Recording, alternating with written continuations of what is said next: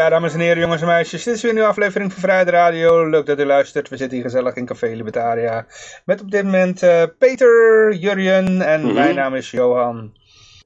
Laten we beginnen met goud, zilver, bitcoins en de. Sta Jezus. staatsschuldmeter. Ik moet weer zuipen, jongens.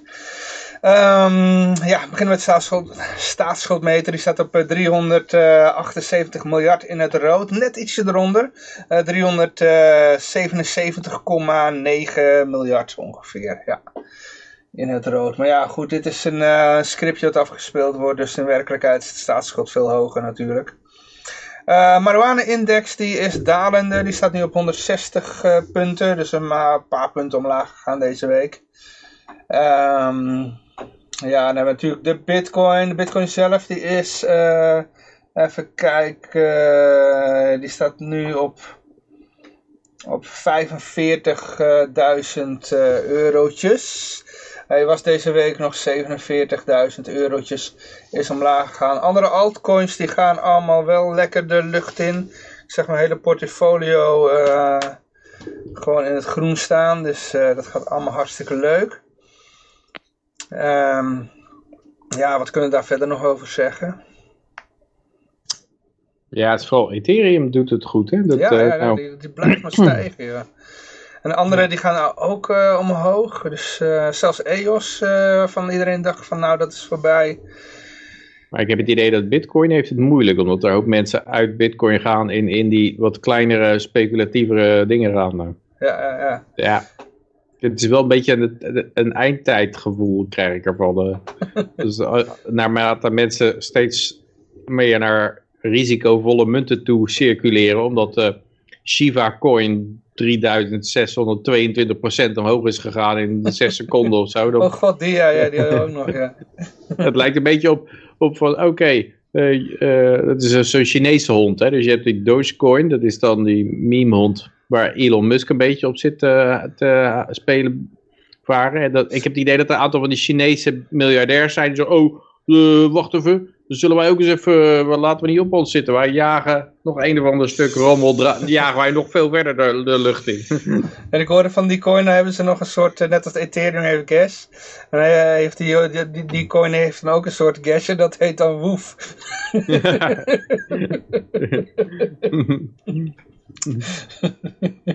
ik vind het wel, heel- wel hilarisch.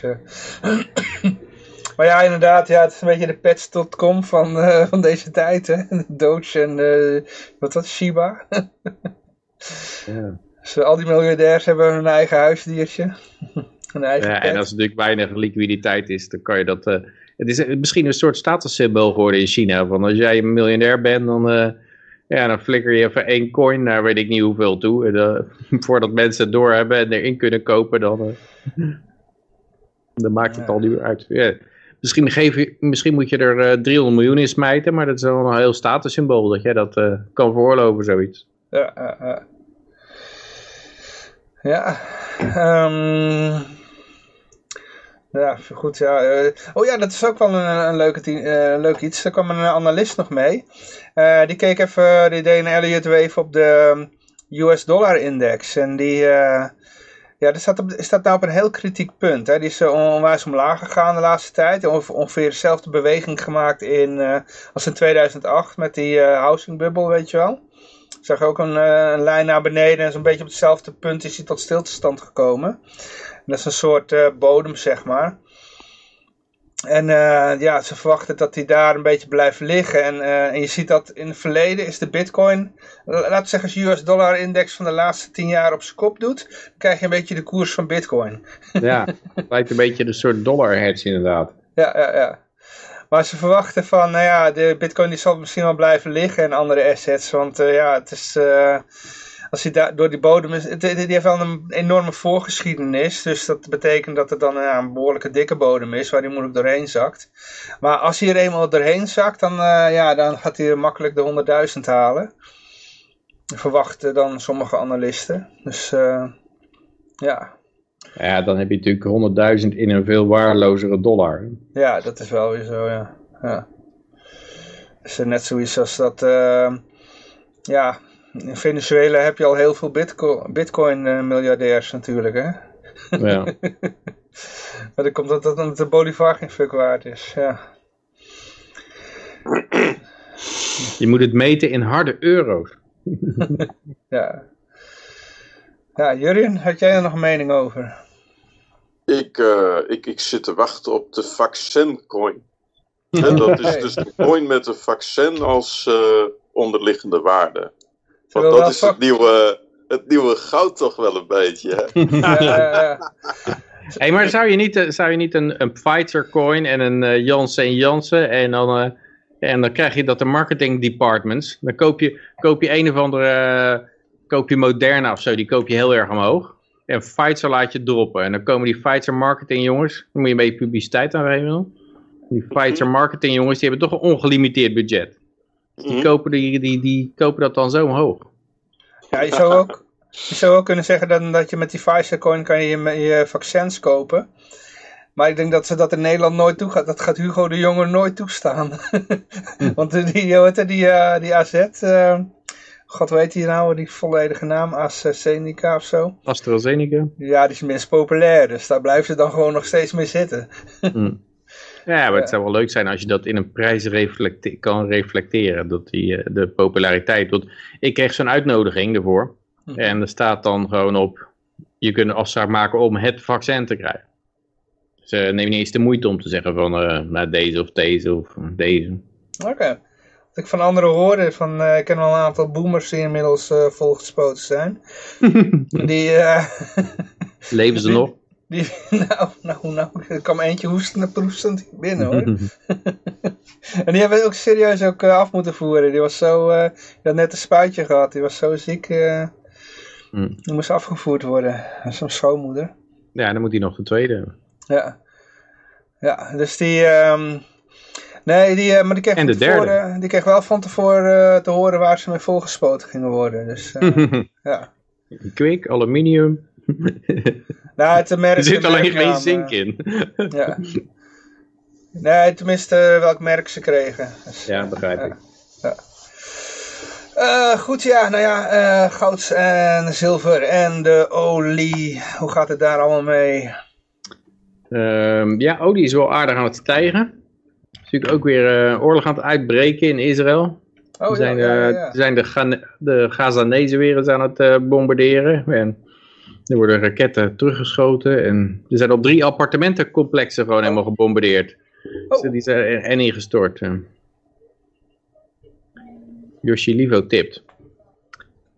Oké, okay, Josje luistert. Uh, Leuk. Natuurlijk ge gecondoleerd, want er komen natuurlijk, uh, als je een uh, hele groot, uh, heel groot appartement bombardeert, dan komen er ook altijd onschuldige mensen om het leven. Ja, dat haast wel. Er stond al bij, er zijn niet bekend hoeveel doden zijn gevallen, maar ja, er zit drie appartementen, er zitten gewoon, ja, er zitten gewoon een heleboel mensen in. Dat, dat ja, het is toch wel, toch wel wat, ja. Ja, beter, uh, beter als, je, als je militaire doelen hebt. Uh, dus als je raketten wil gooien, kun je beter uh, ja, de burgers er niet bij betrekken. Dus misschien moeten ze het in een soort van arena, hè, wat, wat, wat, wat je vroeger in de middeleeuwen deed. Dat je de mensen die graag bommen willen gooien. En een zwaard geeft, een speer en een schild. ja, dat je die inderdaad met het publiek ergens laat samenkomen en dan, uh, dan mogen ze bommen op elkaar gooien. Ik denk alleen niet dat het met, uh, met de moderne wapens heel lang duurt, want volgens mij zijn ze dan beide snel dood. Ja, je wilt ze moderne wapens geven ook. Ja, niet, niet met zo'n ouderwets zwaard, toch? Dat duurt veel te lang. Mensen houden van sensatie, dus... Een ploerterdoder, dat geeft aardig wat sensatie, denk ik. Ja. Uh, JP zegt, um, een thuiswerk is dan toch niet zo gezond in Israël. Uh. Ja. Ja, ja nou, Tel Aviv is uh, geraakt ook. Ja, het is allemaal zo, dicht bij elkaar. dat het, uh, ja, dat, het, dat, je, dat ze alles kunnen raken, denk ik. Ja, het is, ik vind, ik vind ze appartementencomplexen gewoon bombarderen tot ze instorten, dat is wel, uh, ja, dat begint wel een beetje op genocide te lijken. Ja, triest. Triest. Ja. Maar, goed. goudprijs. Goud. ja. 1823. Ja, olie staat dus 66. Ik weet niet eigenlijk niet of ik het al gezegd had. Maar ja, er, worden, er vliegen natuurlijk ook nog wel eens wat tankers in de fik tegenwoordig. Eh, die, op, of die worden gebombardeerd. Dus dat, eh, de, ja. En ik, en er is nou, ja, dat is op zich niet met de olieprijs te maken. Maar in Amerika is er een pijplijn. De Colonial Pipeline heet die. En die is, dat is een pijplijn voor benzine, niet voor olie. En die loopt van Texas naar, naar New York en de omgeving. En die is gehackt. dus die, eh, die hebben ze af, uit moeten zetten. Eh, tenminste, dat is het verhaal. Hè. En nou eh, zijn, is iedereen daar enorm aan het hamsteren. En er zijn al duizenden benzinestations die al helemaal los zijn. Die hebben alles al verkocht. Oh ja. Dus eh, mensen met allemaal jerrycans in de weer. Dus het is daar eh, ja, lekker eh, zootje. Ik ben benieuwd of die Mexicanen blijven proberen de USA binnen te komen. Ze zien dat je in Texas doodvriest en in, in New York geen benzine kan krijgen. Mhm. Ja. Nou, goud, ja. Het verbaast me eigenlijk. Er kwamen inflatiecijfers uit. Die veel hoger dan verwacht waren. 4% of zo. En, eh, maar er wordt allemaal van gezegd, ja, dat is overgankelijk. Dat, is, eh, dat gaat zo weer voorbij, die inflatie. Dat kun je even negeren. Dat is een hobbeltje, zeg maar. Daarna gaan we weer omlaag. ja, de, ja, transitory inflation. En Bank of America, die, die maken het zelfs zo bond. Die hadden het over ja, we kunnen wel transitory hyperinflation verwachten. dat heb ik nog, nog, eh, nee, dat heb ik nog niet vaak meegemaakt. Dat, zeg maar, je hyperinflation, dan wordt het geld helemaal waardeloos. Maar dan moet je gewoon even doorheen bijten. Gewoon even blijven zitten, want daarna, daarna komen we in de, dan, dan, dan staan er zes nullen achter. En dan hakt Biden de, hakt er dan zes nullen achter. Net zoals in Turkije hebben ze dat ook gedaan. Hebben ze zes nullen eraf gehakt. Maar als je blijft wachten, komen er op een gegeven moment gewoon weer die 6 nullen er weer bij. En dan wordt het weer allemaal waardevol. eh. Dus eh, je moet niet verkopen of zo. Je moet eh, gewoon, als je geschoren wordt, niet stil blijven zitten. Het wordt, uiteindelijk wordt het een keer waardevol. Maar ja, goud deed er toch niet zo heel veel mee. Het is nog steeds 1823, wat ik eigenlijk eh, ja, een hele goedkope prijs vind. zo. En de dollar die is vandaag ook weer wat aangesterkt.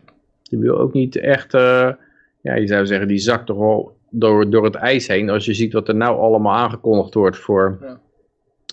voor eh, ja, stimuleringsmaatregelen en, en eh, allerlei plannen. Het is zelfs zo dat nou in Amerika, daar, daar zijn de corona-uitkeringen zo hoog dat mensen niet meer gaan werken. Dus dat het gewoon niet meer loont om te gaan werken. Dus dan zie je dat bedrijven kunnen, als ze open mogen, kunnen ze niet open gaan, omdat ze geen personeel kunnen vinden die wil, willen werken. Ja, dat is wel, ja, dan heb je wel de markt heel erg verstoord natuurlijk. Dat, eh, ja, dat mensen gewoon niet meer aan de slag willen. En ja, dat betekent dus dat de productie van diensten en goederen en diensten terugvalt. En je geld waarloos wordt. Dus het is een ideale mix om eh, flinke inflatie te veroorzaken. Als Eh, die, als Oh, de pijpleiding van Canada door Michigan is ook gesloten, lees ik hier, van GP.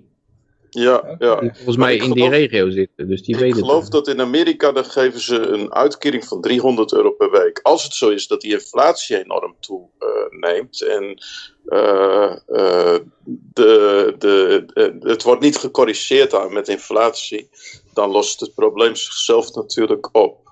Nou ja, wat, wat ook, ja, als op een gegeven moment dan kom je toch weer geld tekort, maar. Ja, maar je raakt dan natuurlijk dat geld ook weer kwijt. Dus dat betekent dat, ja. dat je 300 per week en dan eh, ga je 400 per week verdienen. Dus dan raak je die 300 weer kwijt. Dus dan ga je eigenlijk van 300 naar 400. En het kost ook meer tijd. Dus ik denk dat mensen toch wel heel lang wachten met, dat, met die beslissing. Eh, en, er, en er wordt ook veel misbruik gemaakt van die coronaleningen, begreep ik. Dat veel mensen die, die dan eh, zeggen, ja, ik, ik heb geen werk meer of zo. En dan, eh, dan krijgen ze zo'n lening van de overheid. Maar dan, en dan blijven ze toch nog gewoon werken. En dan, eh, ja, ik vraag me wel af hoe lang dat goed gaat. Want tegenwoordig is natuurlijk alles wel in de gaten te houden. Eh, ik, ja, ik, ik hoorde ook van iemand in de Oekraïne, een Amerikaan die zat in de Oekraïne en die, had, die was aangeklaagd door de Amerikaanse overheid vanwege corona-leningfraude. ik weet niet of hij daarom naar de Oekraïne was gehaald, maar ja, op een heb je het idee dat ze daar toch wel achter kunnen kopen. Dat is een beetje link. Als je, als je al een groot feestje gebouwd hebt en je moet opeens het geld allemaal terugbetalen. Geldt in, in, in, in hoofdlijnen natuurlijk voor de VS zelf ook. Want al die schuld die wordt opgekocht door China. Of uh, is dat nu een beetje gestopt? Beetje gestopt wel. Er zijn netto verkopers geworden hè, in het buitenland. Dus het wordt nou allemaal door de Federal Reserve opgekocht. Hm. Oké. Okay. Okay, JP zegt nog, uh, het minimumloon in de VS is uh, 16 dollar per uur. Dus dat is aardig. Nee, hij zegt de uh, COVID-werkloosheid zit op ja, 16 per uur. COVID-werkloosheid, ja. En dat is meer dan het minimumloon. Ja, ja, ja. Dus, ja. Dat zou toch op 15 euro gezet worden door Biden? Of. Ja, dat kregen ze niet door, geloof ik. Oké. Okay. Nou ja, goed. Nu hoeft ze helemaal niks meer te doen. Ja, ik, las zo'n Babylon B satire. Die zei, ja, Biden draait alles terug van, van Trump. en dan zie je ook, de vrede in het Midden-Oosten heeft hij ook teruggedraaid. Die, die bommen en granaten vliegen. Ja, nou, er was nooit vrede geweest daar. Dus, uh... Ja, maar je weet wel wat ik het, bedoel. Het is alleen niet in het nieuws gekomen. Dus wat er zijn een heleboel van die Trump-vredesakkoorden zijn er geweest aan het eind. Ja, die hebben ook het nieuws niet bereikt. Maar dat waren ook allemaal... Ja, ik geloof als je daar de details van, van wist, dan was het ook meer een uh, ja, PR-stunt, geloof ik. Ja, ja, ja. Maar het heel mooi uit het nieuws weten te houden dat hij meer gebombardeerd heeft dan Obama. Dus, uh... Ja, maar ik vraag me of of dat dan ook waar is. Want, ja, ja. ja gewoon de cijfers van het Pentagon. Er staat ja. gewoon, uh, er wordt ook gewoon geopenbaard van hoeveel uh, bommen ze hebben gegooid. Dat, ja, het is, we moeten wel bij gooien. Bijvoorbeeld de grootste bom aller tijden heeft hij in de, midden in de woestijn gedropt. Ja, maar is het dan één hele grote bom? Geldt ja, dat is dan de, de Mother of all bom. Ja, nee, maar ook ik, maar- De, het aantal bommen. Hè? Dat, is, Ja. eh, dat is ook hoger dan Obama. Ja. Dus eh, het is gewoon, ja, hij heeft gewoon meer gebombardeerd.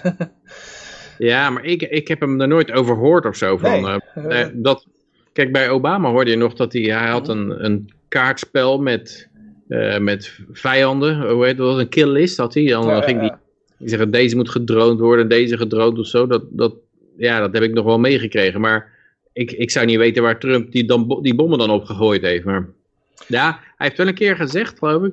Van eh, ja, als ze ons doen, dan, verander ik de hele woestijn in glas of zo. Eh, dat, was, eh, dat was wel zo'n uitspraak van hem. Maar ook toen hij in Syrië bijvoorbeeld. Nou, uiteindelijk ging hij daar dan een, een verlaten vliegveld bombarderen. Maar dat waren ook eh, een paar kruisraketten erop af. En eh, ja, de bewaker en de schoonmaker zijn eraan. En toen was het weer afgelopen. Dus ik, ik, ja, ik weet niet waar hij dat dan allemaal op... Allemaal Afghanistan misschien of zo. Schijnbaar, ja. Het staat, eh, staat er wel bij trouwens. Somalië, geloof ik, Jemen werd nog gebombardeerd. ehm, eh, Maar de VS bombarderen die Jemen zelf. Want dat, Ja, of ze besteden het uit, hè. Dus ze leveren Saudi-Arabië. die bommen aan. In ieder geval, ik heb dat lijstje toen gezien. Ik heb toen destijds, voor eind vorig jaar, nog in de uitzending behandeld. En er stond ook bij van hoeveel bommen ze in welke landen ze eh, hadden gegooid. hm, Dus, eh, ja. Oké. Eh, even kijken, Luc. eh, die zegt eh, ook nog wat. eh, Luc Brouwers. Eh, denk aan privacy coins. Die zullen in de toekomst de, de leiding nemen. Ja, inderdaad. Er zal wel grote behoefte aan zijn. Ja. Pirate Coin. Ja, en laten we maar beginnen met, eh, met onze berichten. Eh, want die begint met, eh, met, met een, een, een, crypto berichtje. Dat is trouw- trouwens ook het enige. De Bitcoin Cash die komt met een upgrade. En dit zijn de wijzigingen. Er staan wel een aantal leuke dingen in. Het komt er eigenlijk in het kort op neer dat het er nog beter als betaalmiddel gebruikt zal gaan worden. Dus mer- merchants, winkeliers, retail, die zullen dan de voordelen ervan merken. Dus eh, ja, het gaat allemaal wat sneller.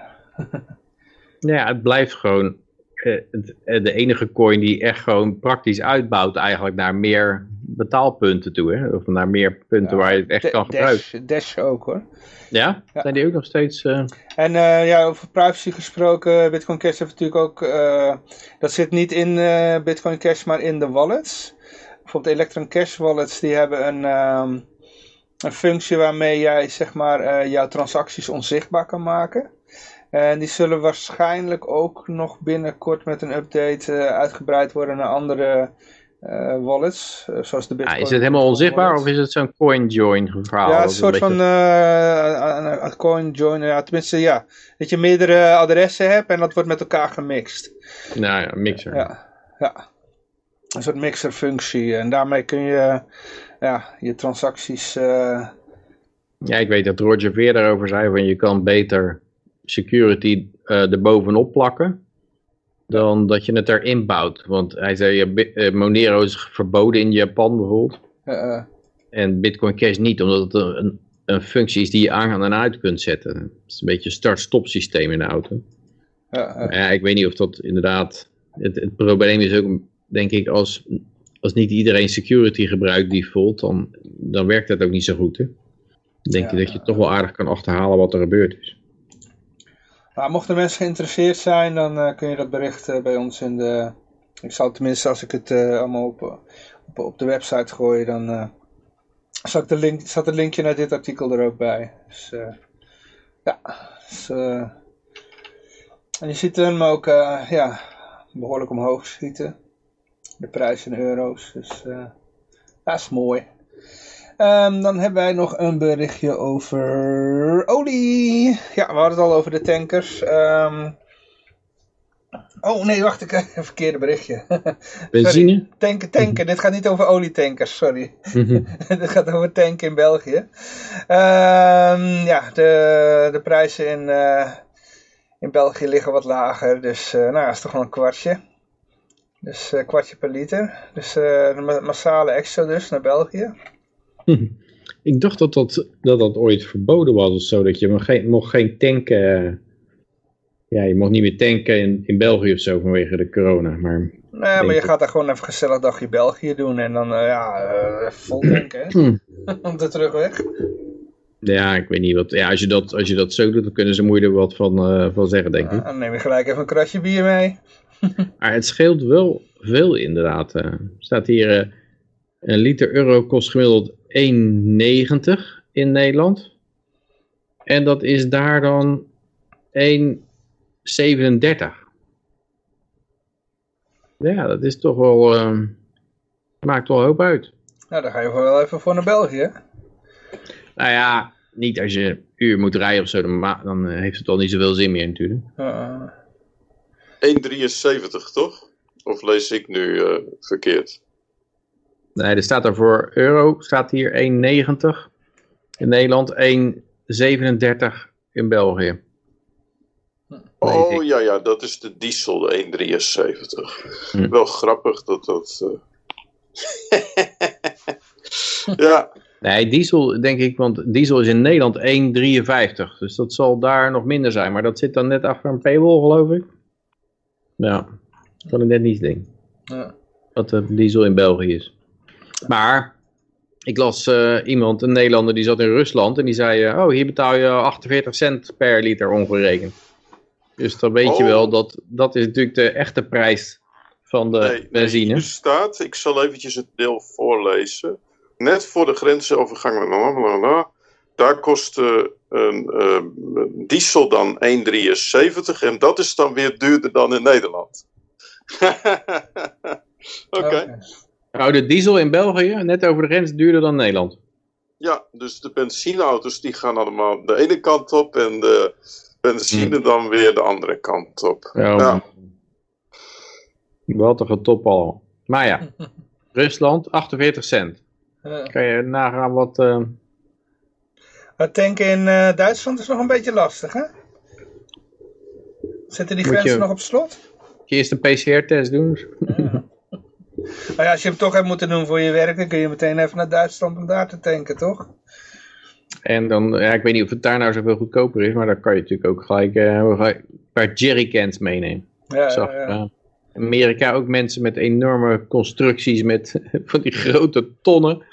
Waar ze hadden, hadden ze achter in de pick-up staan dat je denkt van, ja, zo'n lege ton zet je er zo op. En dan gooi je hem helemaal vol met, eh, met benzine of met diesel. Ja, en dan, dan kom je thuis.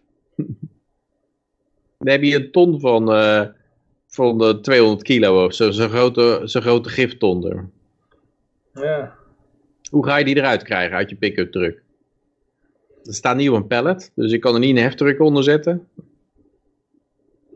Ik weet het niet. Ik, eh, ja. Ehm, maar ja, goed. eh, we hadden nog meer berichten.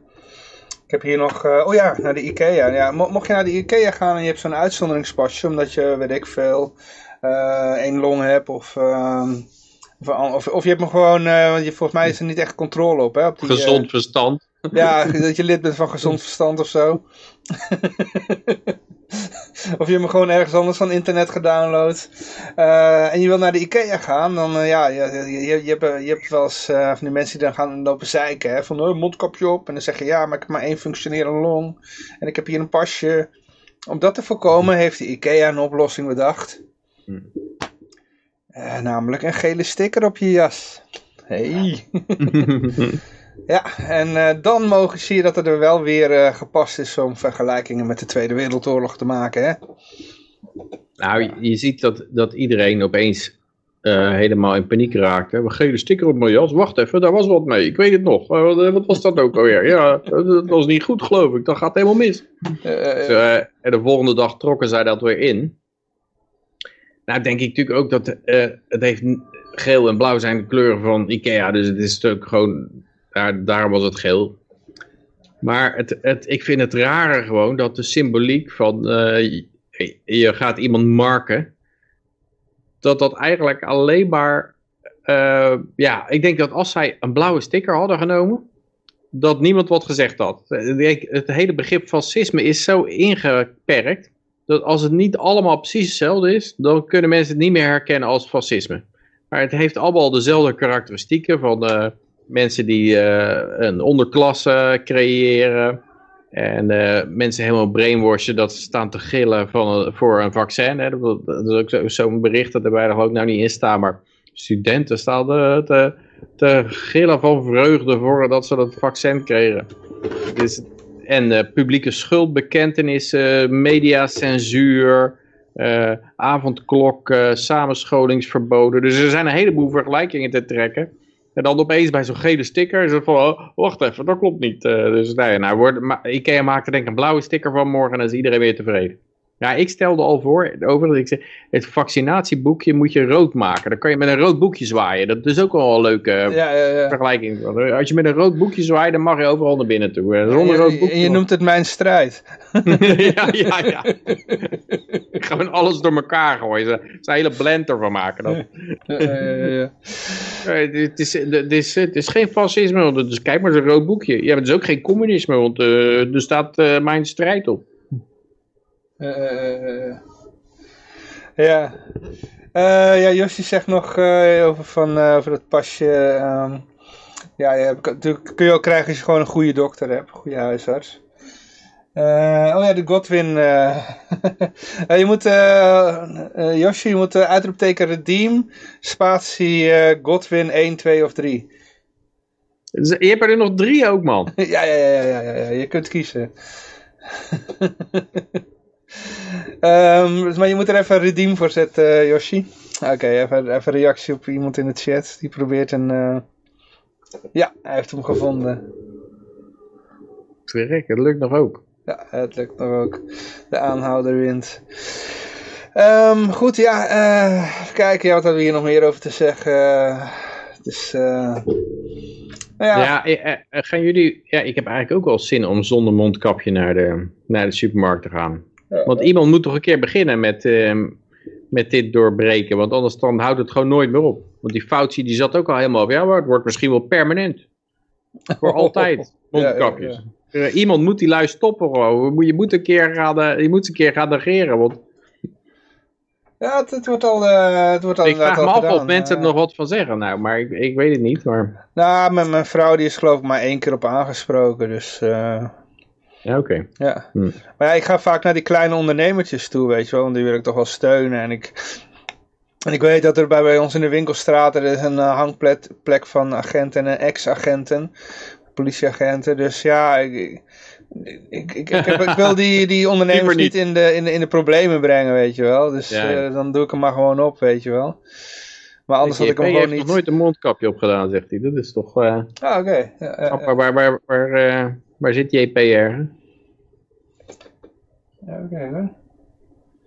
Ja, je kan beginnen het mondkapje niet over je neus doen. Ja, ik, heb, ik heb een mondkapje. En dat is gewoon, uh, dat is, het is nog net niet de kippengaas van, uh, van Mr. Honkler Henkout. dus het, van de buitenkant ziet het er nog wel als een mondkapje uit. Maar als je wat beter kijkt, dan zie je dat er hele grote gaten in zitten. Dus het is wel, een stuk minder relaxed dan zo'n zo'n eh, zo'n papieren frummel uit China. Maar ja, ik, inderdaad, ik ga hem denk ik eens onder mijn neus doen. Eh, kijken gewoon of, dat, eh, of, of ik daar commentaar op krijg. En dan langzaam uitbreiden of zo. Ja. Maar je ziet bij ons nog bijna niemand zonder mondkapje in de supermarkt. nee. Het kindkapje, ja, ja, de, Ja. de chin diaper, eh, zoals ze dat bij South Park noemen. ja. Nee, maar goed, ja, even kijken, we hebben nog meer eh, berichten. Even kijken hoor. Ehm Hero, ja. Oh ja, ja, ja, om, het, eh, even de- om door te gaan met de vergelijkingen met de We- Tweede Wereldoorlog. Eh, de Stormabteilung is met een blitzkrieg bezig. Eh, de werkelijke titel van dit artikel is Het BOA-leger groeit en groeit. De problemen stapelen zich op. Ja. De entloosing eh. is nog niet nabij. Overigens trouwens ook iets wat ik eigenlijk heel vreemd vond toen ik er nog even over nadacht over dat mondkapje. Waarom moet je, je moet een sticker op hebben zodat anderen kunnen zien dat je een ontheffing hebt. Maar als, als ze zien dat je geen mondkapje hebt, dan kunnen ze er ook al zien. Dan hoef je toch niet een sticker op je jas te hebben om dat te kunnen zien. Het is Ja. om ze gerust te stellen. Ja. Het is vanwege de ontheffing. Het is niet een eh, rebel. Het is niet iemand die niet compliant is of zo. Het is iemand die dolgraag een mondkapje zou willen dragen, maar het gewoon niet kan. Ja, maar ik weet dat dat, eh, dat heb ik op mijn werk toen destijds ook eh, vaak gemerkt is van... Dan hebben ze van die, eh de, waar de vuilnisbakken zitten en dan hebben ze gescheiden afval, terwijl daaronder is één grote zak. En dan zeg Mhm. ik ook tegen mijn baas van, joh, waarom hebben jullie dat dan? Ik zeg, ja, het is omdat die mensen maar overbleven zeiken, weet je wel. Dus eh, Ja. uiteindelijk komt het allemaal in één zak terecht, maar je wil gewoon eh, hun tevreden houden. Dus dan, daarom doe je dat maar. En ik denk dat de gedachte hierachter is ook van, ja, mensen Ja. lopen zo te zeiken over iemand die geen eh, mondkapje op heeft. Dus om hun van het gezeik af te zijn, Ja, doen we die sticker, weet je wel. denk het ook, ja. Ja.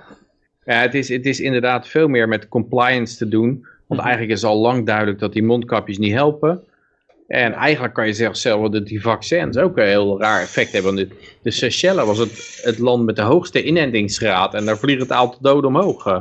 Ja, Dus ja. eh, ja, eh, het gaat niet meer om functioneel wat het doet. Het gaat er alleen om, je moet, als iemand zich een rebel toont door niet op te volgen de bevelen van de heerser, ja, dat, is, dat moet gelijk afgestraft worden. De chat la- loopt weer wild. Eh, even kijken, Luc die zegt, eh, doen ze opzettelijk de kleur geeft kijken of ze ermee weg kunnen komen. Oh, dat gaat over Ikea. Yoshi zegt, hoe meer boa's, hoe meer problemen. Als we alle mensen met een ontheffing eh, zouden samen in een wijk eh, zetten. Laten wonen, dan voelen ze zich ook een stuk beter. ja, ja, ja, ghetto. Ja. Stickers met wappie erop laten drukken en daar gewoon trots op zijn. Ja, dat is misschien een goeie. Ja, ja. Oh, er komt er nog eentje. Een Jongens, wappie sticker, ja. dan zegt JP nog... eh, en als we ze ooit een... Treinreis aan willen bieden, zitten ze dicht bij het station. oh, er komt Flabbergas nog. Gratis reizen voor mensen met een gele sticker met de treinen. Oei, oei, oei. Eh, ehm, ja, kijk, Flabbergast. Ja, inderdaad. Er zijn tijden, speciale tijden voor ouderen en zo. Waarom dan geen tijden voor mensen zonder mondkapje? Dat kan je natuurlijk ook doen. Ja. Ja. Dan eh, kunnen mensen een beetje aangeven van... eh, eh, ik ben tegen zou Maar we gingen met het BOA-leger verder. Hè. Het Ja. BOA-leger groeit en groeit. De problemen stapelen zich op. Nou ja, dit zijn natuurlijk allemaal mensen die een beetje aan de onderkant van de arbeidsmarkt bundelen. Ja. buitengewone opsporingsambtenaren. Het BOA-leger groeit en groeit en wordt bovendien professioneler. Nou ja, agressiever denk ik. Tot aan bewapening toe. Het professioneler is dus met bewapenen. Dus als, als, ik een, eh, als ik een wapen draag, dan word ik ook professioneler gelijk. Ja. Maar hoeveel Mensen die- geweldsmiddelen, takken, bevoegdheden en opleidingseisen kun je nog geven aan een BOA voordat het fenomeen zichzelf in de staart bijt? Ja. Ja, mensen, dat zijn natuurlijk allemaal potentaatjes. Als je die een wapen geeft, dan, eh, dan, krijg, je, dan krijg je weer eh, een vergelijking met een eh, situatie uit het begin van de vorige eeuw. Stormabteilung. En het wordt, Hm. na een nacht van de lange messen gaat het dan op in een EU-leger. Ja, inderdaad. Allemaal mensen met een chromosoontje te weinig of zo. Of een, uh, hoe heet dat? Geen afgeronde school. Of, uh, ja, of die door allerlei problemen op het werk. Oh ja, de Godwin. Weer. We moeten we een keer opbouwen met die Godwin. Dat is denk ik helemaal... Mensen, mensen kennen het wel nou. Maar mensen met gedragsproblemen die nergens aan de bak kunnen komen. En dan, ja, hoppa, mag je boa worden. Ja, dus... Uh... Maar ja, goed, wat voor problemen staan worden er... Uh, wat, wat, voor problemen hebben ze allemaal? Uh... Nou ja, het zit ook weer achter een payable. payable. Ik weet niet... Ik kan hem wel helemaal lezen. Maar... Het wordt geringschattend de Playmobil-politie genoemd. Ja, uh... ja. Maar als, als je wil weten wat de BOA mag of niet mag, kom je in een doolhof van voorschriften en regels terecht. Uh, ja, dus dan, dan krijg je de gebruikelijke situatie bij de overheid. Je maakt zoveel wetten en zoveel regels dat iedereen altijd ergens aan schuldig is. En ja, dat het gewoon aan de discretie van de BOA is of die een shitdag heeft of een goede dag. Ik zie hier een uh, boa met een kogelvrij vest die in vuilnisbakken loopt te, te kijken of het wel goed gescheiden is. Of er geen karton tussen het plastic zit. Ja, dit kan nog heel vervelend worden. En je vraagt je wel af of het draagvlak voor dat soort dingen dan ook terug gaat lopen. Dus als je een heleboel windmolen neerzet en afvalscheiding op een gegeven moment met mensen iets hebben van...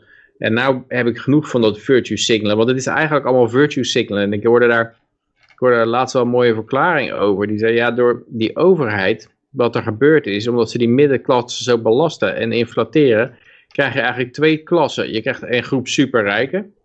En je krijgt een groep mensen die in een tent wonen. En uh, in hun eigen stond uh, rond uh, zwemmen. zeg maar een soort Californië is het dan. Heel rijk, heel arm. En de hele middenklasse die wordt weggevaagd.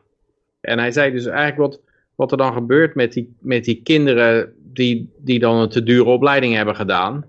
Die kunnen, ze, die kunnen zich niet meer naar boven werken in die, in die hiërarchie.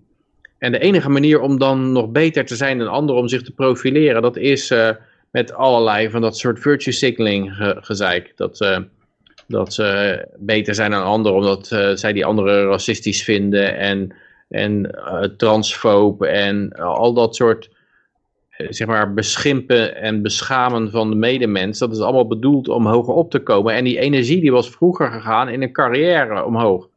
Maar dat, dat kan nu eigenlijk niet meer, omdat je gewoon een paar biljardairs hebt en een paar en een berg eh, armen en, en weinig ertussenin meer. Dat vond ik wel een mooie verklaring, denk ik. Zo voelt het wel een beetje aan, tenminste, laat ik het zo zeggen. Ja, Zeker, ja. Jurjen? Uh, er is weggevallen. Volgende onderwerp. Oké, okay, je hebt er niks over te zeggen? Oké, okay, oké. Okay. Um, goed, ja, ik, ik heb verder ook. Ik zie hieronder trouwens staan BOA's op omvallen door corona en werkdruk. De werkdruk op de BOA. Verzuim tot 30% gestegen. Dat is altijd zo mooi dat als BOA's, als BOA's 30% verzuim tonen, dan komt het automatisch door de werkdruk. Dat kan maar één ding zijn. Dat, ja, de werkdruk is enorm. Het is niet zo dat dat natuurlijk super slecht gemotiveerde mensen zijn. Die denken van, nou, dat salaris pak ik wel even bij, maar ik heb geen zin om mensen lastig te gevallen op straat. Dus ik ga gewoon wel mooi even, even een hele lange pauze nemen steeds. Of uh, ik meld muziek. Of uh, ik zeg gewoon dat ik een niche heb. Of dat mijn neus kriebelt. En dan hoef ik niet meer naar mijn werk te komen. Dus ja, dat, dat is natuurlijk... Ja, dat is heel te verwachten dat je, dat je 30% verzuim hebt. Of, of verzuim tot 30% gestegen. Dat wil niet zeggen dat 30% verzuim was. Ik denk maar... dat het komt van omdat het gewoon ambtenaren zijn eigenlijk.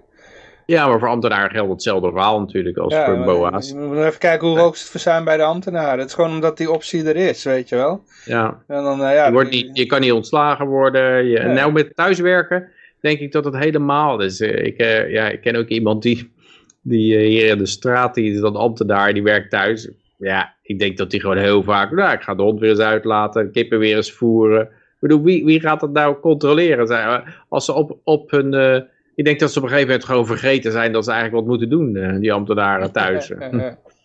Dat is ook een beetje de cultuur daar. Ik heb dat zelf ook gemerkt. Van, uh, ik heb dan als uitzendkracht daar gewerkt. En dan zie je dat een andere uitzendkracht heeft dan een contract gekregen. En terwijl die eigenlijk, eigenlijk helemaal niks doet. En dan zie je ook van, ja, wacht even, de chef is een roker, zij is een roker. En zit de hele dag zitten ze daar met alle andere rokers, zitten ze daar. Dus eigenlijk is ze gewoon aangenomen, is ze ambtenaar geworden, omdat ze rookt. ja, ja, ja. Weet je wel, zo gaat dat daar. Niet omdat je kwaliteit hebt of zo. Dus ja, dat is dan werken bij ja, de overheid. Je, je lacht erom, maar het is natuurlijk Ja. wel, het is funest voor de arbeidsmoraal en voor, je hebt natuurlijk mensen nodig die hard werken en die wat afleveren waar, dan, dan, dan, eh, ga je weer een uitzendkracht inhu- inhuren. ja, nee, maar ik bedoel, Hoe is, denk je dat al die is- andere rokers daarbij gekomen zijn? waren eerst ook allemaal uitzendkrachten. Dit groeit natuurlijk. Er zijn op een gegeven moment mensen die zeggen, nou, la, ik gooi het bijltje er maar neer. Waarom zou ik nog hard werken als ik zo'n optie heb? Zeg maar, ik word boa en ik ga de hele dag ergens op mijn hoekje staan roken. Mhm. En ja, dan, eh, dan is fu- dat is funest voor de productie van een land. En ik denk dat Amerika daar nou heel ver in is. Je ziet dat mensen gewoon zoveel uitkering krijgen dat ze gewoon vertikken om aan de, aan de slag te gaan. Mhm. Dan, eh, ja, dat, dat, moet, dat moet dan heel snel vast gaan lopen, denk ik. Ja, en ik snap ook niet dat die dollar er nog zo lang uithoudt. Want dan, als je, dat, al- als je dat allemaal gewoon blijft betalen door met die geldpers aan de gang te gaan. Ja. Nou ja, dan, eh, dan, dan moet het toch wel een keer snel ophouden. Want er zijn niet veel landen in de wereld waar ze zo zijn doorgeslagen, denk ik. Ja, nou ja. Deugdpronken. Zegt JP, ja, het is inderdaad deugdpronken. Dat is een mooi, prachtig woord. Ja, ja, ja. Ja, ehm, Virtue signal, ja. Ik wist er even het Nederlandse woord niet voor te verzinnen. Maar ja, is, deugdpronken, ja. is hem helemaal, ja. Ja. Eh, even kijken waar we ook alweer waren. Ehm, oh ja, eh, de Bra Brabanders zijn geen NSB'ers. Ja. Als we eh, toch weer Tweede Wereldoorlog vergelijkingen maken, dan doen we het maar goed. En een maand lang reed er een eh, nep drugsbusje door Brabant en slechts één man belde de politie. Ja, Ja, dit, dit draait eigenlijk voornamelijk om het eh, segment van dit, eh, deze podcast. Is Dennis zijn fiets alweer gevonden? Heeft de politie de dief van Dennis zijn fiets ingerekend, gevangen gezet en de fiets terugbezorgd aan het slachtoffer? Nee, want wat deden ze? Ze reden maandlang met een nep drugsbusje door Brabant. en verbaasden zich erover dat er slechts één man de politie belt. Het is, eh, is- dan zie je gewoon zo'n busje, dat is gewoon zo'n bedrijfsbusje, zeg maar. Ja. En eh, ja, daar reizen ze dan mee, een maand lang reizen ze daarmee door Brabant heen. En dan verwachten ze dat mensen de politie gaan bellen, omdat er een busje rondrijdt. en dan is er nog één man die dat doet ook. Daar sta ik dan helemaal van te kijken. Eh, die, eh, die alerte burger die eh met zijn AW'tje thuis zit met een verrekijker door het raam zo zit te kijken of er al iets gebeurd is. Ja, het is een witte Ford Transit, type combo. Irritant schuin geparkeerd. Dan moet je helemaal verwachten dat, dat mensen de politie gaan bellen. Want hij staat irritant sche- scheef geparkeerd. En de ruitenwissers achter ontbreken. Nou, nog een aanwijzing. Nee, uh, jemig. Ik zou het is, angstig worden. Ze zeggen toch dat er altijd Romeo's uit dat soort busjes komen, of niet? Ja, ja, ja. Nou, Het is een zwart, hè? Toch? Eh, hm. Geen Staat, idee. eh, JP heeft nog als tip trouwens, als je BOA's voordat ze je aanspreken al pislink aankijkt, doen ze meestal niks. Je moet duidelijk maken dat je niet makkelijk gaat doen. Omdat ze je nog niet hebben aangesproken, kunnen ze dan nog ontkennen iets te hebben gezien dat je op aangesproken wordt. Ja, dat, dat doe ik ook meestal bij dat soort lui. Dat ik zo aankijk van waar het is. eh, En dat, eh, dat is een eerste linie van defense, dat ze daar makkelijker slachtoffer toe gaan. De volgende crisis wordt jaren 30 depressie keer 3 op steroids waarschijnlijk. Ja, Luc Brouwers, dat, dat lijkt mij ook haast. Ja. Ik zie niet in hoe dat, hoe dat eh, anders gaat lopen. Als je zo'n enorm leger improductieve mensen hebt en je gaat productieve mensen betalen om niks te doen. Ja, JP ziet overal drugsbusjes. Ja. oh, er komt een hele lap tekst van eh, Yoshi. ik eh, bedoelde te zeggen, eh, die ene beller was een eh, overijverige Romeo. Maar het is toch wel absurd dat ze een maand lang bewust overal fout gaan parkeren. Ja, gaan- ja, ga jij maar eens fout parkeren, weet je wel. Ja, dat is de politie, hè? Maar waarom doen ze dit? Alleen maar om te kijken of mensen bereid zijn om eh, te bellen? Ja. Die hebben waarschijnlijk ook al gehoord van, oh ja, de politie is met nieuwe actie bezig. Ze gaan overal met, met busjes eh, fout parkeren om te kijken of er mensen gaan bellen. Nee, maar je gaat toch ook niet, als je een busje ziet, dan ga je toch niet... Je gaat, ik, ik zou het alleen overwegen als ik...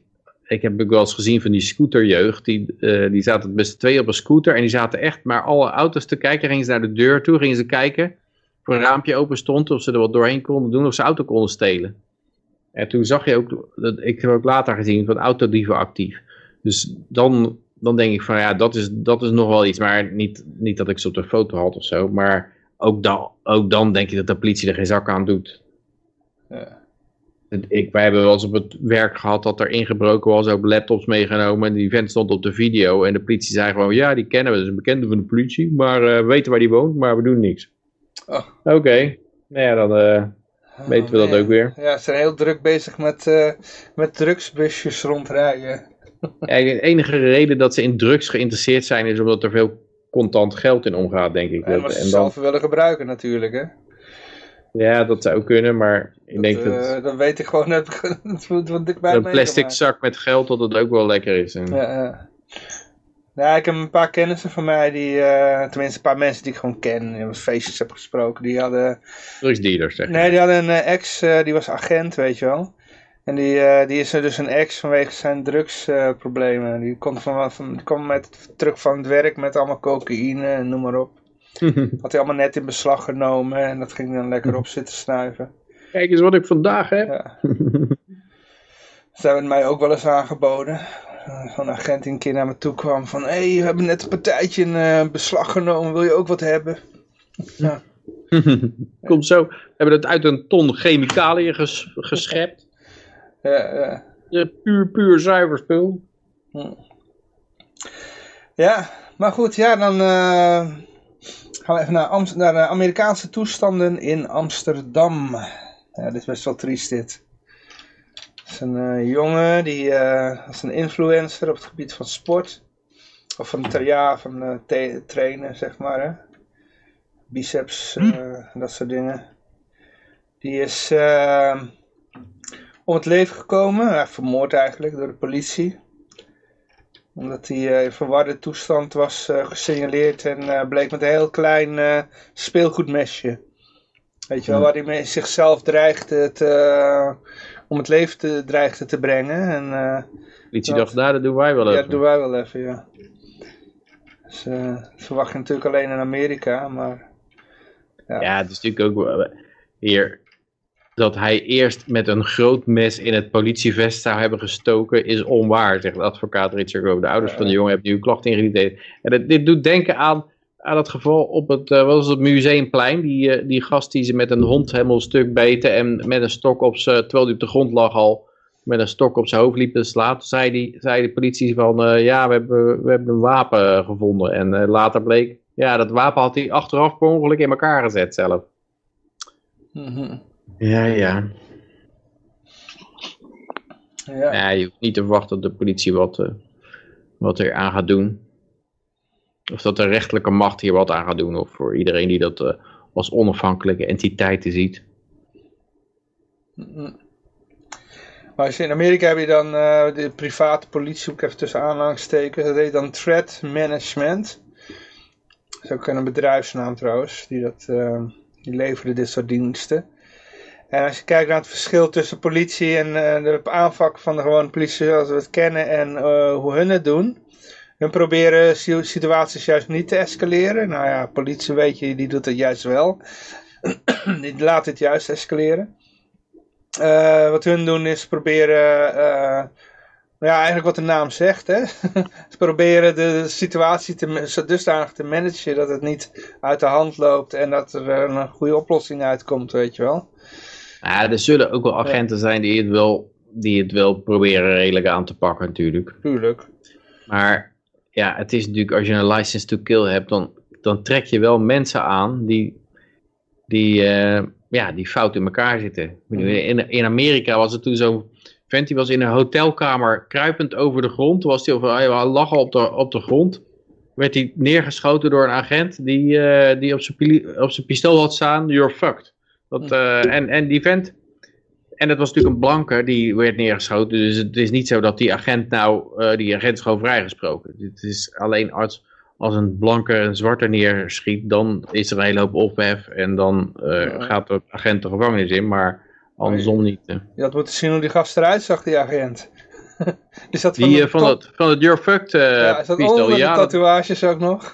Ja, dat, dat- hij zag er inderdaad als een heel fout figuur uit ook al. eh, een, heel eh, agressief, eh, eh, psychopathisch-achtig eh, type, ja. Alsof hij uit een Mexicaanse eh, drugsbende kwam, weet je wel. Mm. Ja, dus, ehm, ja. Ja, maar zelfs als, als, een, als een politieagent gewoon goede bedoelingen heeft, laten we het zo zeggen. Ik bedoel, het is wel een cultuurtje waar hij in komt. En dan, wo- word je, ja, dan moet je heel sterk in je schoenen staan en echt principes hebben. Wil je daar niet in meegezogen worden.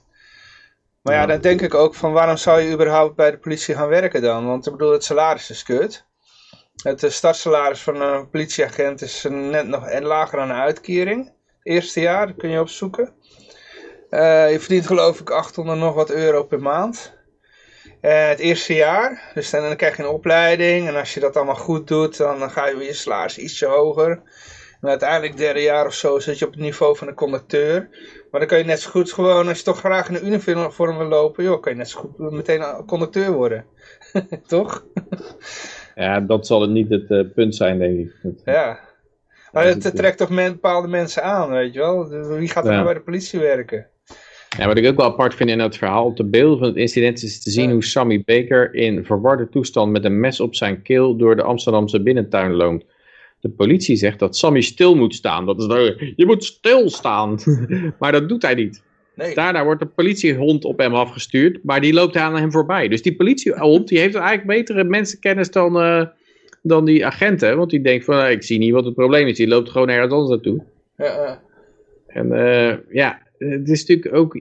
Ik snap niet hoe je zo'n situatie niet goed kan, eh, niet kan beoordelen. Je kan toch gewoon zeggen van, nou, pas als hij op je afremt, dan, eh, dan schiet je of zo. ja. Dan loopt hij een beetje in, in het rond. Ja, hij, hij zal ongetwijfeld onder de drugs gezeten hebben, dus dan zal hij, eh, zal die heel erg eh, ja, hyperactief geweest zijn of zoiets. En, eh, en in het rondlopen. Ja, dan ga je zeggen, sta stil. Oh, hij staat niet stil. Nou, dan mag ik hem. eh, hij staat niet stil. Hij, hij heeft een mes. Ja, het is zo'n klein mesje. Hij heeft op zijn eigen keel. Een aardappelschilmesje. Nou ja, dan schiet ik gewoon eh, voor zijn donder. Ja, daar. Dan denk je wel van. eh, ja, dat, zal, dat, moet, dat zijn van die. Your fuck types, denk ik. ja. En toch is volgens mij toch de bedoeling dat je dat soort situaties op de benen richt of zo. Hm. Dus daar kan je niet dood aan gaan. Dus dan moet hij echt eh, iets gericht hebben, lijkt mij. Dus, eh, Ja, zelfs inderdaad, als hij met een mes op je afremt, dan kan je nog zeggen van, eh, ja, zeker als de aardappelschilmesje is, dan, dan kan je op zijn benen schieten of zo, of kan je, hoef je niet meteen, niet meteen om te leggen. Zeker als iemand onder de, helemaal onder de druk zit, ja, dat hangt natuurlijk een beetje vanaf. Als hij heel, heel, heel erg hyper is, dan kunnen ze ook wel superkrachten krijgen. We hebben zo iemand gezien die getaserd werd door, hij onder de druk zat. En dat- Die stond gewoon op en die... eh, maar hadden ze geen taser bij zich dan? Hij pakte waarschijnlijk, dat is die Amerikaanse agent, per ongeluk zijn, zijn pistool in plaats van zijn taser. verschil niet. Links of rechts, wat was het nou ook weer? Ik, weet altijd, ik vergeet het altijd. ja, het is, maar ja, het is triest, had niet gehoeven. En, eh, JP zegt, JP zegt, die honden worden meestal getraind met mensen die wegrennen. Als je stilstaat of je hebt al drie agenten op je rug, dan weet die hond niet wat hij moet doen. Ja, dat is heel logisch van die hond. Eh, eh, eh. Volgende keer weet je het, hè. Stil blijven staan. Ja, ik denk dat die honden veel beter kunnen aanvoelen wat een bedreiging is, wat agressief is en wat niet. Hoewel, die vent die op de grond lag, die, die hond die beet ook helemaal stuk. Maar ja, die, die agent die had ook die hond gewoon aan zijn halsband helemaal. Het was ook een hele opgefokte, die, die, was, was ook helemaal gek gemaakt. Eh, dus, eh ja. Helaas, helaas. In ieder geval eh, voor de familie eh, gecondoleerd. Het is, eh, Weer een argument eh, waarom we geen eh, politie zouden moeten hebben. Ehm, ja, dan gaan we nu naar een bedrijf dat rauwe melk aanbiedt aan zeer tevreden klanten. En eh, ja, de Voedsel- en Warenautoriteiten dreigen nu met eh, enorme boetes, want mensen tevreden eh, houden, dat is natuurlijk niet de bedoeling, hè? 150.000 euro. Mm.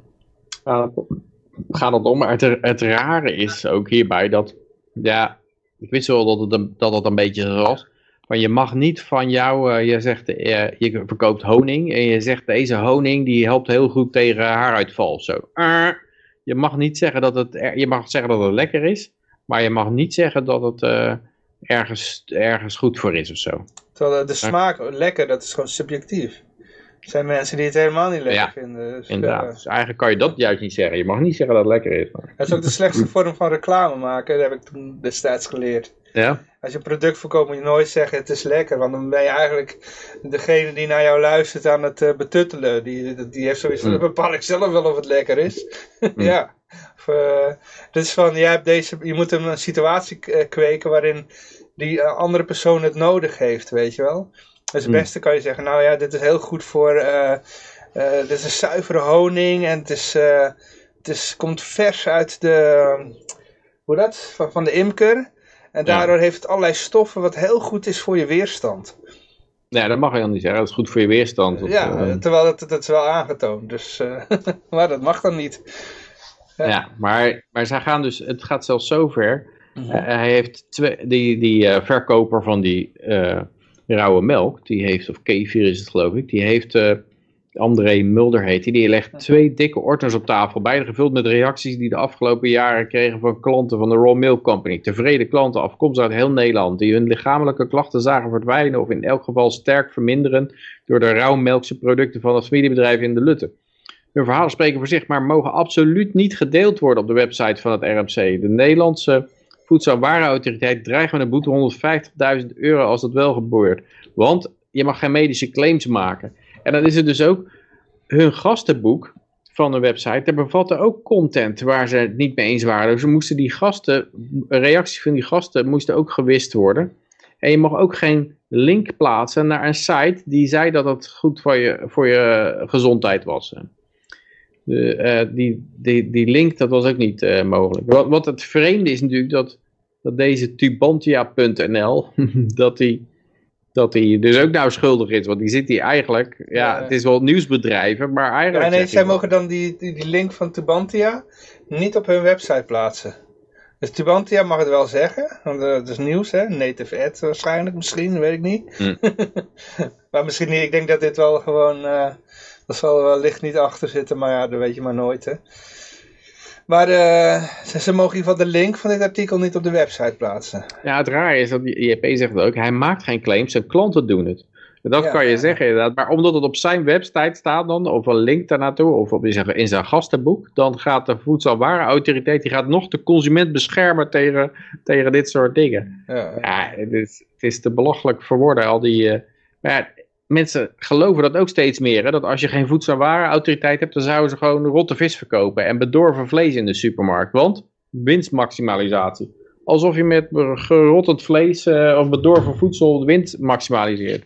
Dat een restaurant geen kwaliteit zou willen leveren eh, als, eh, als ze daar niet toe gedwongen worden door de Nederlandse waar, eh, Voedsel- en Warenautoriteit. Het is gewoon totaal overbodig ministerie weer dit. organisatie. Ik weet niet, Jurjen, eh, Volgende onderwerp, zeggen jullie. Nee, dat valt mee.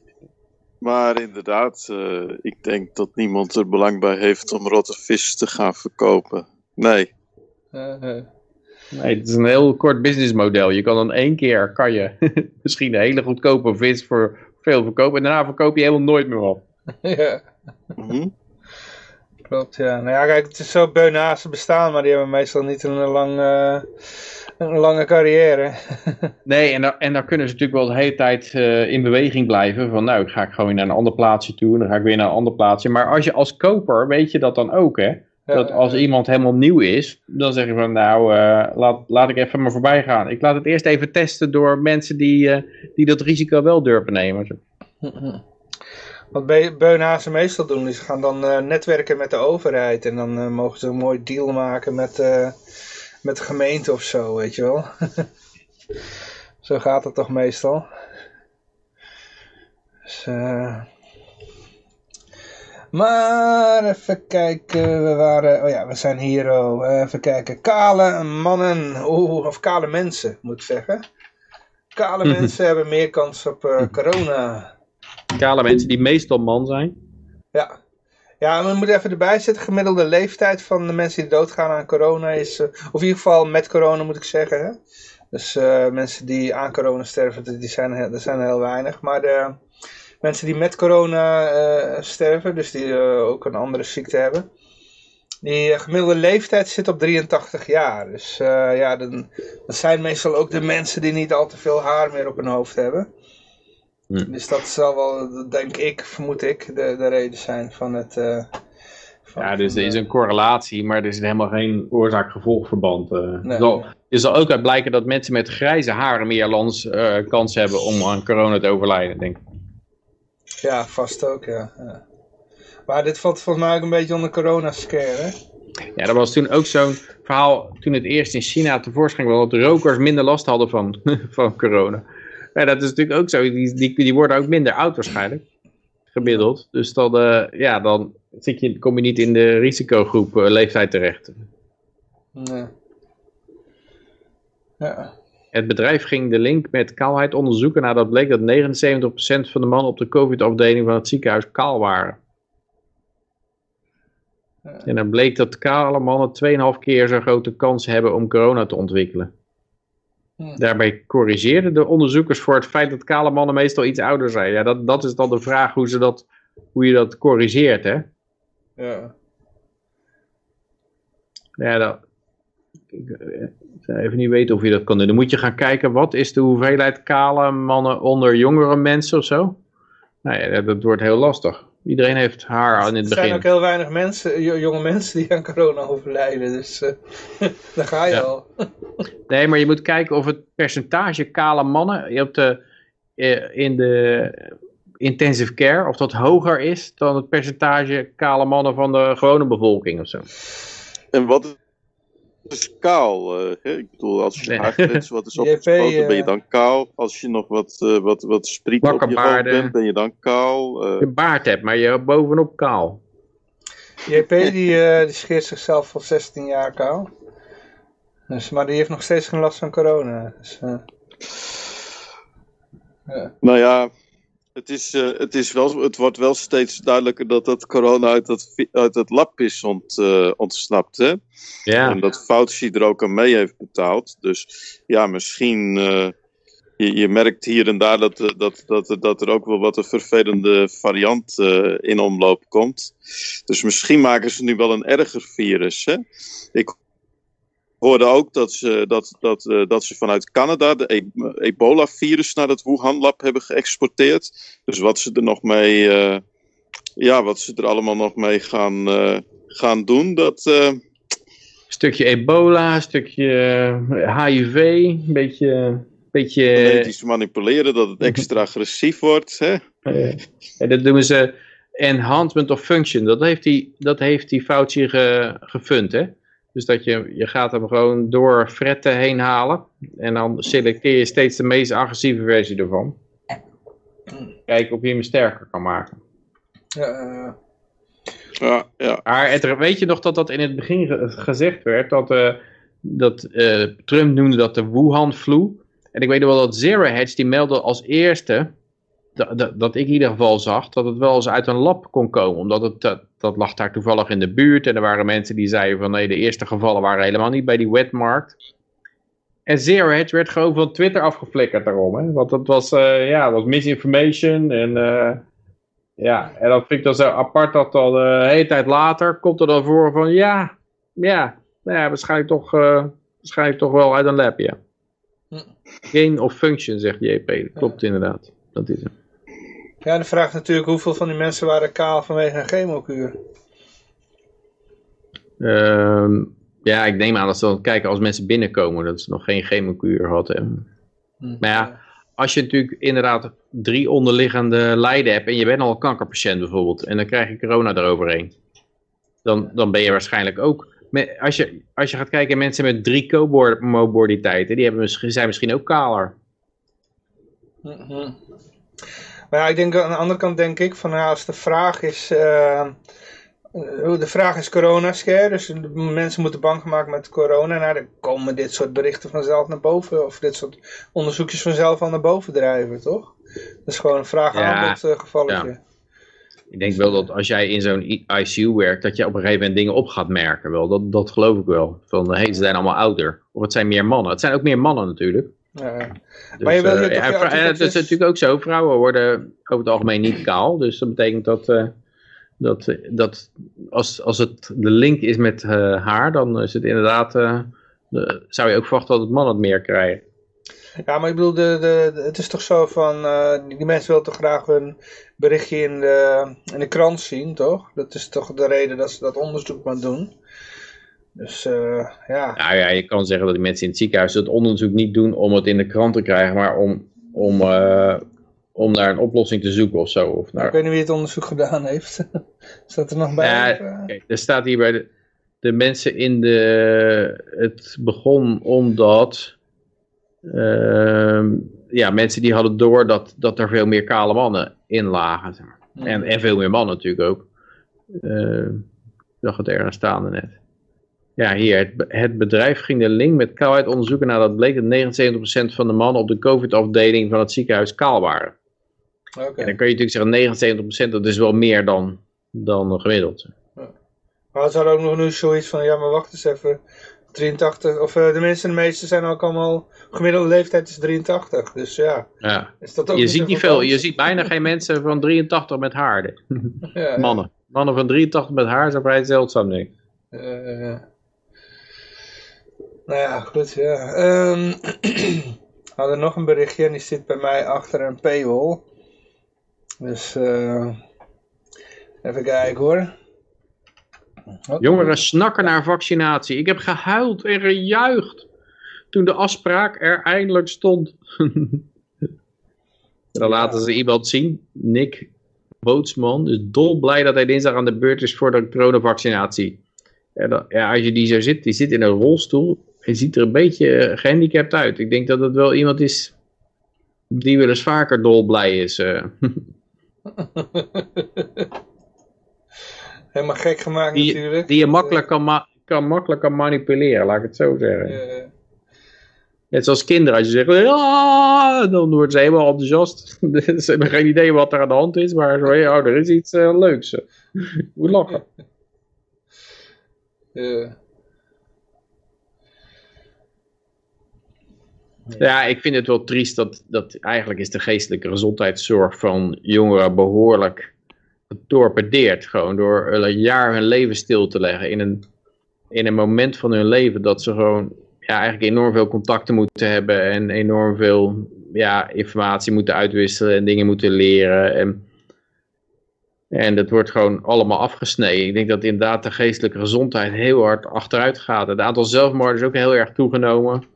Eh, alcoholisme, alcoholverbruik is enorm omhoog gegaan. Dus het, zijn, oh, het levert zo? zoveel problemen op. Er zijn nou ook, eh, ja, sommigen hebben er geen trek meer in na corona besmetting. Maar ik denk dat veel mensen van die jongeren, die hebben geen besmetting gehad.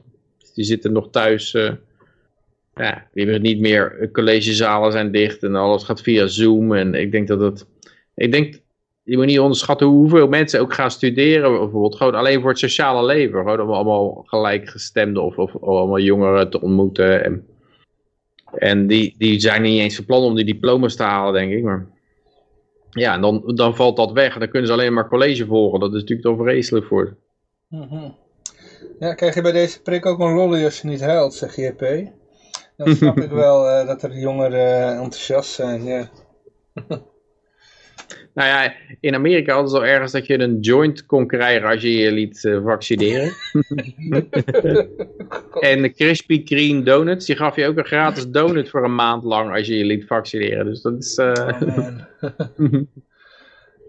Maar al die dingen die geven, ja, die geven mij al gelijk het gevoel van, oh shit, ik wil dat ding absoluut niet hebben. Want eh, als ze dat zo moeten pushen, eh, en, en zo moeten manipuleren, inderdaad van die mensen die gewoon, die gewoon trots op hun, op hun profile posten dat ze een vaccinatie gehad hebben. en Zo. Oh man, dit, is allemaal zo voorgeprogrammeerd. Het zijn echt mensen die zitten direct aan het touwtje van de, van de heerser vast. Die kan gewoon alles met ze doen. Je weet gewoon, dat daar, die heeft geen persoonlijke grenzen. Het is eigenlijk een hol vat geworden. Een soort zombie die helemaal bewogen wordt door de, door de overheid. En er zit gewoon geen eigen wil meer in om, om een eigen mening te vormen. Dat bleek ook wel laatst toen, was zo'n zo'n Nederlandse voetballer in Duitsland. En die had gezegd, eh, nou je moet gewoon vooral zelf nadenken.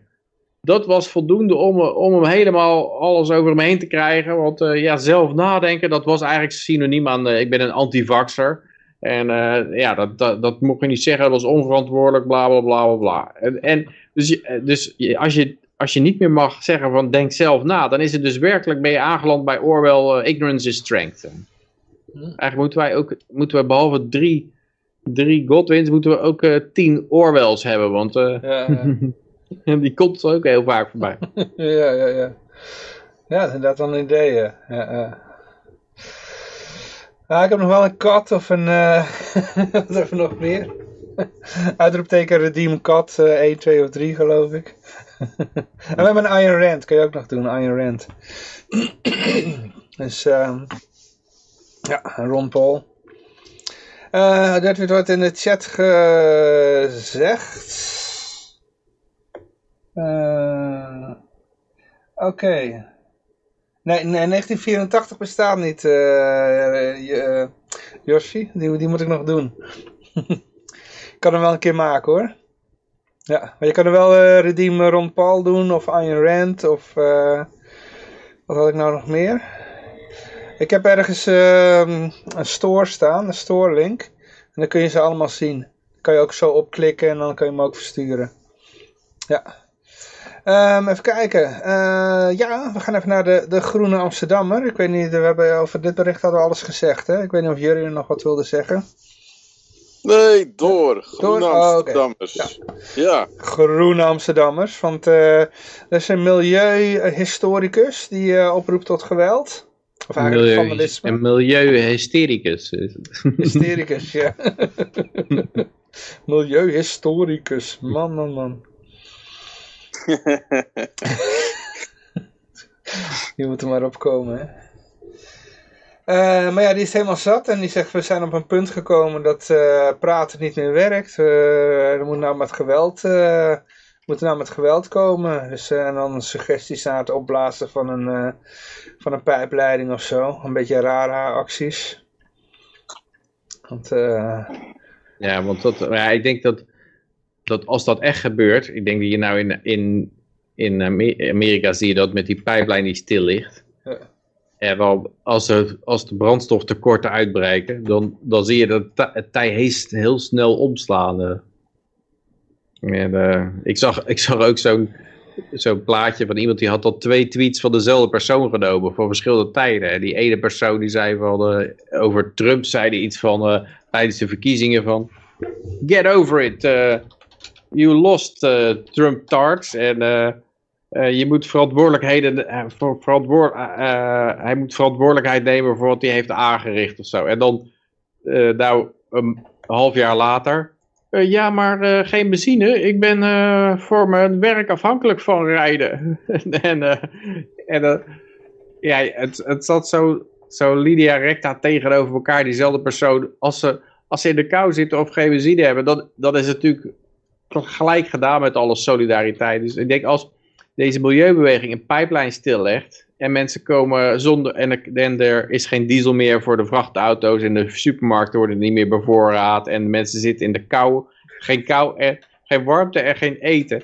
Ik weet bijna zeker dat binnen no time iedereen die, die milieubeweging de nek gaat omdraaien, want eh, daar, eh, daar zitten ze niet op te wachten van. eh, nou, we gaan jouw carbon footprint een beetje verkleinen, zeggen dan, zegt de massa dan tegen dit soort lui, denk. Wat gebeurt er? Ik wilde in mijn eigen chat wat... eh, sorry. ik wilde even de link eh, voor de token, uh, hoe het, voor de Redeem Store uh, posten. En toen begon die in één keer uh, Honkler Hangout af te spelen. ja, Yoshi, ik heb hem in de chat gegooid. En andere mensen die ook een linkje willen sturen. Of een, een, een, een redeem dingetje willen doen. Dus dat... dus nou, nou, gaat iedereen gek worden hoor, kijk, hoppakee. Oh, moet ik hier drukken zo, hoppakee. Ik weet zelf ook nog niet hoe die werkt. Oh, en dan nog een keer klikken, ja. Hartstikke idee, zo werkt hij. En dit is Ayn Rand. Hartstikke idee, in één keer. Ja. Je moet, je moet Huxley en Orwell moet je... Ja, die zou ik ook even tussen gooien. Oh shit, wat hier nou weer? Ja. Dus uh, hoppakee. Trump hebben we ook nog, uh, zie ik. Hmm. Ah, dit is voor de podcastluisteraars uh, niet interessant dit, want uh, die moeten het erbij fantaseren nu, hè. Dus, ja. goed, ja. Oh, ja, men blijft doorgaan. Ze hebben hem ontdekt. even kijken hoor.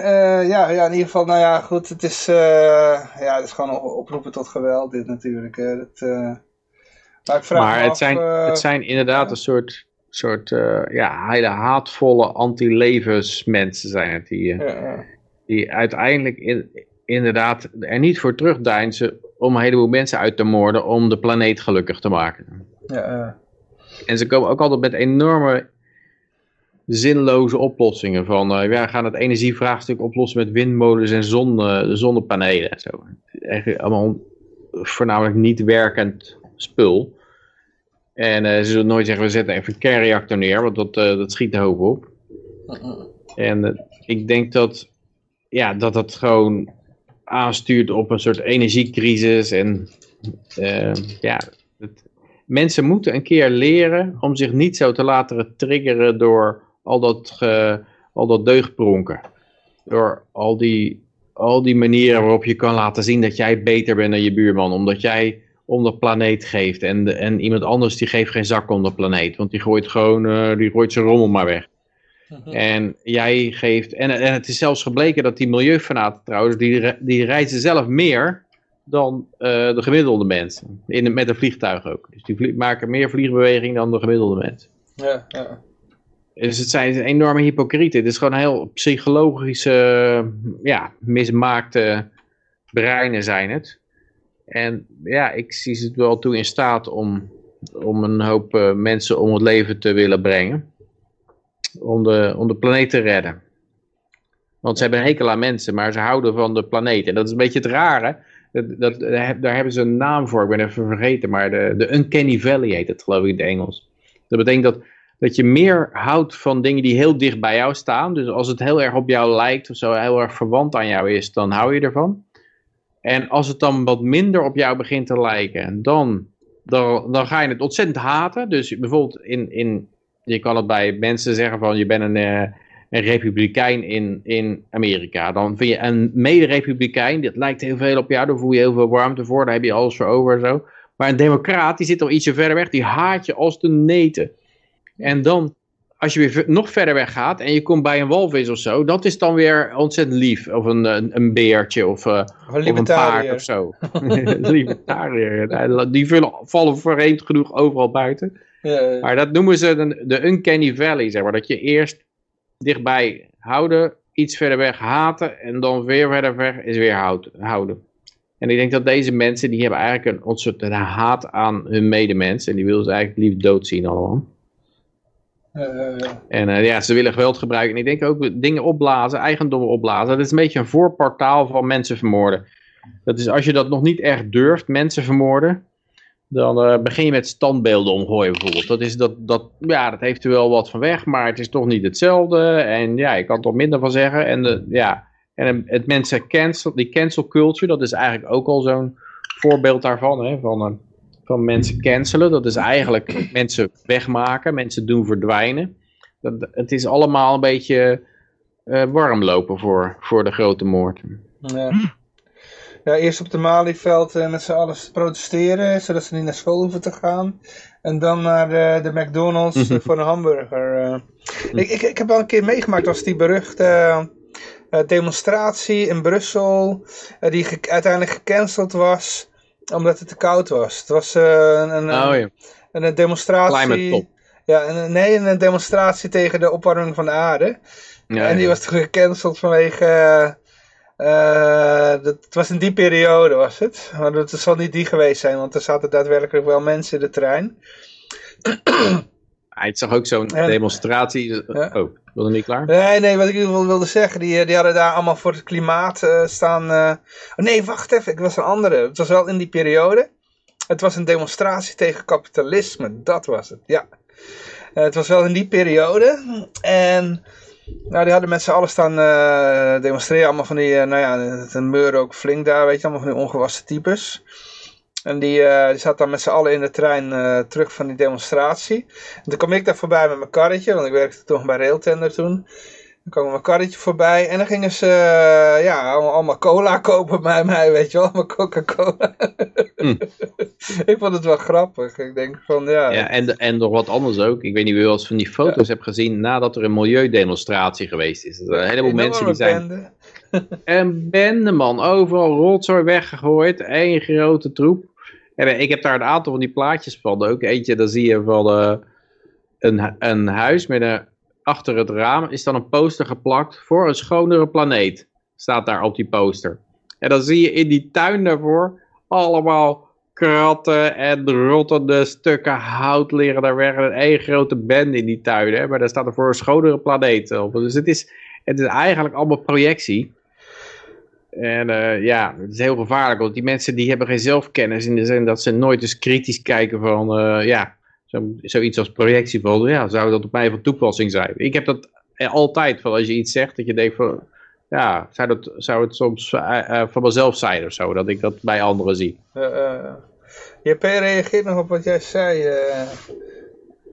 Uncanny Valley gaat over dingen die te veel op mensen lijken en dan er, eng worden omdat ze het niet zijn, maar je weet niet precies waarom. Veel te zien bij robots in CGI-films. Ja, dat is, maar dat is eigenlijk de afstand tot jezelf. Zeg maar, als het, als het, ze, zijn, ze, ze komen dicht bij jezelf, maar ze zijn het niet precies. Dus ze zitten net te ver weg. Dus dat zijn een soort democraat als jij republikein bent of andersom. Eh, maar er wordt ook vaak gebruikt bij robots inderdaad die eh, mensen na moeten doen. En dat, daar krijg je een ongemakkelijk gevoel voor. Als het weer heel ver weg is en het lijkt van geen kant of gewegen op, op een mens, zoals een walvis, dan is het allemaal weer oké. En als het heel erg op jezelf lijkt, dan is het ook, eh, ja, dan, dan vind je het over het algemeen ook heel eh, oké.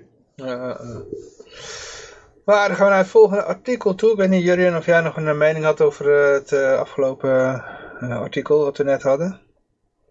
Nee, ga door. Ga Oh, door. dan, ja, dan gaan we naar, de, naar deze moedige dominee uit Calgary in Canada, waar we eens vaker over gehad hebben. Die, eh, even kijken hoor, hij heet eh, Arthur Pa- Pawlowski. Ja, dat is die eh, dominee, ik weet niet of je die gezien hebt. De Poolse dominee in Ja. Canada. Ja, in Canada. Die, eh, Veel verwarring leiden. nee, Is was hij nou Pools of is hij nou Canadees? een Canadees met Poolse achtergrond. maar die, je kon wel horen dat hij Pools was, weet je wel. Get out of my church, get out, you Nazi, you fascist. Mhm. In ieder geval, die had de politie uit zijn kerk gejaagd. Maar hij is alsnog gearresteerd. Ja. Ja, weggesleept ook. En het is, het is werkelijk Canada. Ik las ook een Nederlander die had op Facebook post eh, gepost met... eh, en die vertelde een beetje over wat er nou, daarna gebeurt in Canada. Het is werkelijk een, eh, een super totalitaire staat. Er zitten mensen al een maand opgesloten. Die mogen alleen met goede reden naar hun huis uit. En, eh, het is echt behoorlijk triest daar in Canada. Het is, Hoeveel ja, coronadoden hebben ze daar? ja, dat was dus ook zo. Er was er, eh, hij noemde het van, er was één dode geweest. Hij zeggen, gisteren is hier één dode geweest in een, in een provincie van 16 miljoen mensen of zo. Of ik weet niet, of een paar, nee minder was het geloof ik, een paar miljoen mensen. En eh, er is één dode geweest. Mhm. En daarvoor zit iedereen opgesloten. Oh man. Dus hij, hij was daar heel negatief over. Ik snap ook niet waar, waarom Canada nou opeens zo is afgegleden. Want ik, het is best wel eng. Dat, want dat zijn van die landen waarvan je denkt van... Nou ja, misschien met Canada had ik niet gehad. Maar met Australië en Nieuw-Zeeland had ik altijd wel iets van, van, nou, dat zijn wel een beetje een soort vrijbuiters en natuur en zo. En uh, ja, maar Australië en Nieuw-Zeeland is ook gewoon uh, triest, dat wil je niet weten. Ja, ja. ja. Maar ja, deze man dus ook. Hij heeft één keer heldhaftig kunnen doen, maar hij wordt gewoon weggesleept door de ordevolgers en uniform. En die maken zich ook absoluut geen zorgen over van, uh, waar zijn we nou eigenlijk mee bezig? Ja. Maar ja, hij durft, uh, die, die man die heeft hun uh, fascisten genoemd, hè, dus ja. Ja, maar... ze dan ook even voelen ook, weet je wel. Nee, ze wilden hem, ze wilden hem toch al arresteren. De eerste keer werden ze nog afgebekt. maar het raar is dat dat best wel viraal gaat. En dat ze dan toch niet het idee hebben van, oh shit, dat is wel erg beschamend voor ons als we hem nou gaan arresteren. Maar dat ze gewoon denken van, uh, ja, dit laten we niet op ons zitten. Uh, we gaan hem alsnog arresteren. Terwijl, ja, het, uh, ze komen er niet goed vanaf, lijkt me. Nee. Maar ja, het is natuurlijk wel een, het schrikt af. Misschien is dat de gedachte erachter. Want we weten ja, mensen in ieder geval van wat hen te wachten staat als ze dat doen. Ja. Maar ja, ik vraag me wel af of, zeg maar, of moslims of die hetzelfde probleem hebben. Want die zijn, volgens mij zijn ze daar toch wat banger voor, die uh, autoriteiten. Als, als die autoriteiten zeg maar, een moskee gaan dichtgooien, mm -hmm. dan uh, denken ze toch van ja, hier kunnen we wel eens wat uh, hardere blowback van verwachten dan van, de, van de christelijke kerken. Ja. ja, ik zit inderdaad in mijn wijk, zie ik ze toch allemaal braaf meedoen. Allemaal een mondkapje op en zo. En, ja. ja. Jongeren niet, maar ja, de ouderen wel, ja. Dus, uh... Nou ja, daar kan je nog iets voor zeggen. De ouderen denk ik loopt meer risico. Dus dan doe ik maar alles wat, uh, wat, uh, wat ik kan bedenken. Helpt het niet, baat het niet, dan schaadt het niet of zo. Ja. Ja, dan kan je van zo'n mondkapje ook nog denken of dat nou, of dat nou niet schaadt. Dat, als je er een groot gat in knipt waar je neus zit, dan schaadt het denk ik niet. Ja. Ja, JP heeft een leuk idee van een nieuwe redeemer. Dat is uh, Jurien uh, 1. Ga door, ga door. ja. Nou ja, goed. Ja, nou, we hopen dat het goed afloopt voor deze dominee. En sowieso dat hij veel navolging krijgt. Uh, als, er, als er heel veel mensen ditzelfde gaan doen, ja, dan kunnen ze het gewoon niet meer aan. Hè? Dus, uh... Ja, mijn inschatting is toch dat hij dacht dat, hij, dat, ze, dat het in Canada niet kon gebeuren. Nou, dat, dat denk zijn... ik niet. Ik denk gewoon dat, uh, dat hij zoiets heeft van gewoon mijn rug recht houden. Ik, ik, ik heb principes en daar sta ik gewoon voor. Ja, maar, de, maar kijk, wat er ook gebeurt met dit soort mensen. Hij is Pool van origine, hij is uit Polen vertrokken. Want hij dacht, het is, komt hier nooit meer goed. En die communisten en, uh, en het zijn allemaal maloten hier. Ik ga naar het Vrije Westen toe. Want ja. ik ken natuurlijk die Oost-Europeanen een beetje. En die kijken toch naar, naar als ze bijvoorbeeld in de, in de Oekraïne ook, kijken ze erg naar, naar Europa als, nou, daar zijn ze allemaal veel beschaafder en daar is het allemaal veel vrijer. En bij ons is het maar een, een, een, uh, een achtergestelde tyfusbende. Zo kijken ze een beetje naar de zaak.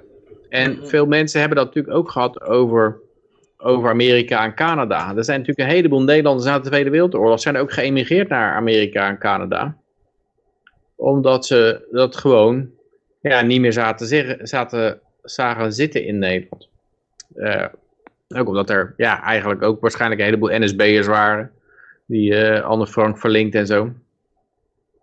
Dus ze verwachten iets beters van het land waar ze naartoe gaan. Dat is een beetje mijn, mijn uh, punt. En ik, en ik, denk dat hij toch wel een beetje iets had van, nou ja, als, dit, uh, als we dit viraal kunnen krijgen, en, uh, dan kunnen ze dat nooit maken om mij, mij uit de kerk te slepen. Voor dat, dat, dat doet te veel denken aan, aan de Tweede Wereldoorlog. Maar als je geen gele sticker op hebt, nee, dan is het onherkenbaar gewoon. Het, is gewoon, het verdwijnt in het niets dan. mensen die kunnen niet meer de vergelijking zien. Ja, nou, JP zegt dat, uh, even kijken, Avi uh, Jemini, die had een filmpje waar ook een uh, politie uh, een kerk binnenkwam en eruit gehuwd werd. En ze, toen, ze, toen de kerkgangers weg waren, kwam de politie alsnog de, de pastor arresteren. Ja. Dus dat doen ze ook. Ja.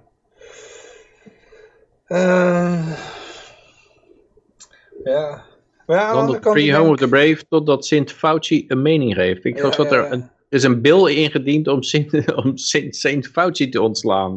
ben benieuwd waar dat eindigt. Eh, ik had, ehm, nou, ik ken ook wel wat verhalen van Polen, zo als je een beetje de Poolse geschiedenis leest. Ik bedoel, het zijn toch wel een beetje mensen, met, mannen met stalen ballen hoor. Dat, eh, die, eh wat is die, eh Pileski, hoe heet hij nou? Witold Pileski, moet je maar eens even googlen. Is die man die vrijwillig eh, Auschwitz inging om daar een verzet te organiseren. En die toen met een paar mensen uit, die heeft daar een paar SS'ers vermoord en is toen eh, uit Auschwitz, eh, nou die heeft een paar jaar gezeten, van 41 tot 44 geloof ik, is toen uit eh, Auschwitz ontsnapt met een paar mensen. En meteen naar, eh volgens mij was het Krakau of een andere stad, is die getrokken, om daar het, de opstand te leiden. Zo. Dus Ja, je eh, moet- ja. Je Dus moet de- maar durven. Ja, dat ik denk bij dit soort zaken altijd Polen, van, Huh? van hoeveel valt er te redden. Hè? Eigenlijk als je om me heen kijkt, kan je zeggen, ja, ik kan wel heel dapper verzet gaan tonen, gaan, eh, gaan voeren. Maar als er om mij heen voornamelijk maloten zitten, die, die eh, zeg maar allemaal Anne Frank verraders, dan heeft het ook eigenlijk geen zin. Want wat probeer je dan te redden? Dan ga je eigenlijk gewoon een soort suïcidale strijd aan. Dan moet je eigenlijk, kan je maar beter vertrekken. Eh, eh. En, en ja, als er om jou heen nog heel veel mensen zijn met gezond verstand en die het hoofd koel houden en zich niet door de propaganda laten meeslepen, dan, dan komt die propaganda ook niet ver, zeg maar. Dan komt het er niet door. Dan hoef je niet eens verzet te plegen. Dus eigenlijk is, ja, heb ik het idee dat het verzet dan eigenlijk altijd zinloos is. Of het is een verloren zaak, of het is een gewonnen zaak, maar dan, dan is het eigenlijk niet nodig. Ja. Aan de andere kant geeft, je stelt wel een voorbeeld. Ik bedoel, dat is ook met die, die tactiek die Martin Luther King eh hanteerde. Was, ehm, dat is met die mars naar Selma. En toen ging die, eh, hield hij halt bij die brug. Maar ze waren eerst met een redelijk klein groepje. Maar er was wel, media was er al wel aanwezig. Maar die hield hij halt bij die brug en dan ging hij die brug niet over. En dan, eh, dat herhaalde hij een paar dagen, maar elke dag werd die groep van hem steeds groter. Dus hij kreeg steeds meer gevolg. En eerst waren het alleen maar een paar zwarte pastors. Maar op een gegeven moment waren het eh, gewoon, ja, er kwamen ook blanke eh, dominees, die kwamen erbij, weet je wel. Om toch een statement te maken van, ja, dit, dat het geweld daar in, in Alabama, weet je wel, die linkse partijen, daar zijn we niet blij mee. En wij gaan ook aan meedoen met dit statement. En toen kon de politie, die kon daar niks meer tegen doen. Die had zoiets van, ja shit, de groep is nou te groot. Nou kunnen we ze niet meer in elkaar beuken, weet je wel. Dus eh, Ja. ja. voorbeeld doet Nou, ik denk dat- wel volgen. Wat, wat uitmaakt is Mhm. denk ik dat als je een zwijgende, beangstigde me- meerderheid hebt, die niks durft te zeggen, Mhm. en er is dan iemand die moed toont en het wel durft, zeg maar. Dan kan het zijn dat er een heleboel over de streep gaan. Dat die dan denken van, eh, ja, nou, nou durf ik ook wel. eh, als er meerdere zijn zoals ik. Want je moet gewoon weten, dat is ook het hele punt van die communicatie tussen mensen verbreken. Van geen kappers meer en geen sportscholen en geen, geen scholen. En zodat je niet meer met elkaar eh, kan praten. Dat je niet meer weet of je omgeven bent door verraders of door bondgenoten. Terwijl normaal zou je dat, zou je dat vrij snel uitvinden. En dan weet je gewoon van, eh, ja, dan kan je ook beter organiseren. Maar dat, ja, dat gaat nu ook veel moeilijker. Omdat je niet meer weet wie je kan vertrouwen. Ja, Dat je gewoon te weinig communicatie hebt. ja, ja, ja. Ja, JP zegt eh, altijd eh, moedig weerstand bieden. Je weet nooit wie je met je meekrijgt, inderdaad. Ja. ja. Hetzelfde verhaal geldt natuurlijk ook van Ron Paul, weet je wel. Die, ja. Ja, nou, die had eigenlijk enorm veel succes. uh-huh. Maar ook daarvoor zie je van, hij werd natuurlijk doodgezwegen door de media. Die hadden ze gewoon, eh, de soort de, Ron Paul werd zo- was de dertiende verdieping in een, in een hotel. Die werd gewoon overgeslagen in de, bij de polls. Ja, op nummer 1 staat die, op nummer 3 staat die en nummer 4 staat die. Maar ehm, ik denk dat hij, hij, ondanks hij heeft wel veel bereid. En er zijn een hele hoop mensen die zeggen dat ze de, zeg maar, de vrijheid begrepen hebben. Doordat, hij, doordat ze als eerste met zijn eh, uitspraken kennis maken. En, en hij toonde, toonde ook enorm veel moed. Hè? Hij zei ook gewoon eh, in tegen, was het nou tegen Giuliani geloof ik van, eh, ja dat is gewoon blowback die, die 9-11. Eh, dat is gewoon blowback van onze acties in het Midden-Oosten. Het was ongehoord om dat te zeggen. Daar, en hij ging niet, hij ging niet van, oh bied me excuses aan en ik kruip terug en zo. Nee, hij bleef er gewoon achter staan.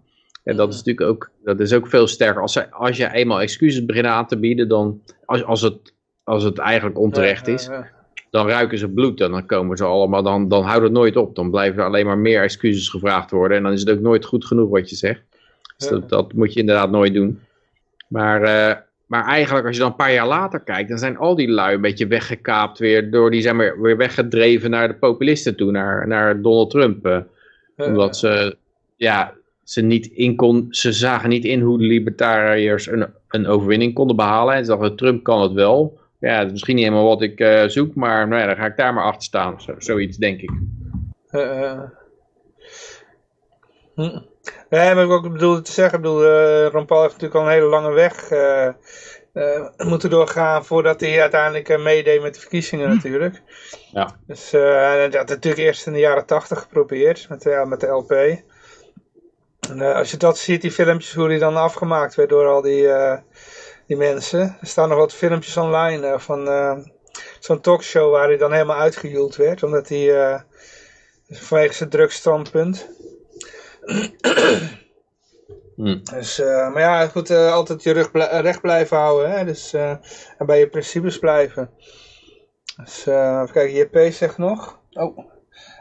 Vanochtend liep ik zonder masker de, de winkel in.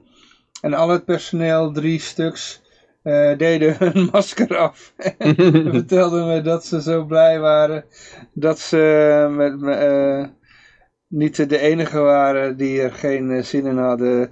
Eh, de klant na mij deed ook zijn masker af. En eh, toen hij ons zag, voor je het weet, doet niemand het meer. Inderdaad, ja kijk, zo doe je dat. Inderdaad. Ja, ik had dat een keer andersom gehad. Ik was in het ziekenhuis mijn neefje opzoeken en, die, en ik had een masker op. Dan denk ik, jij moet in het ziekenhuis een masker op hebben. En wel mijn nepmasker overigens, maar nou, dan misschien wel echt ook.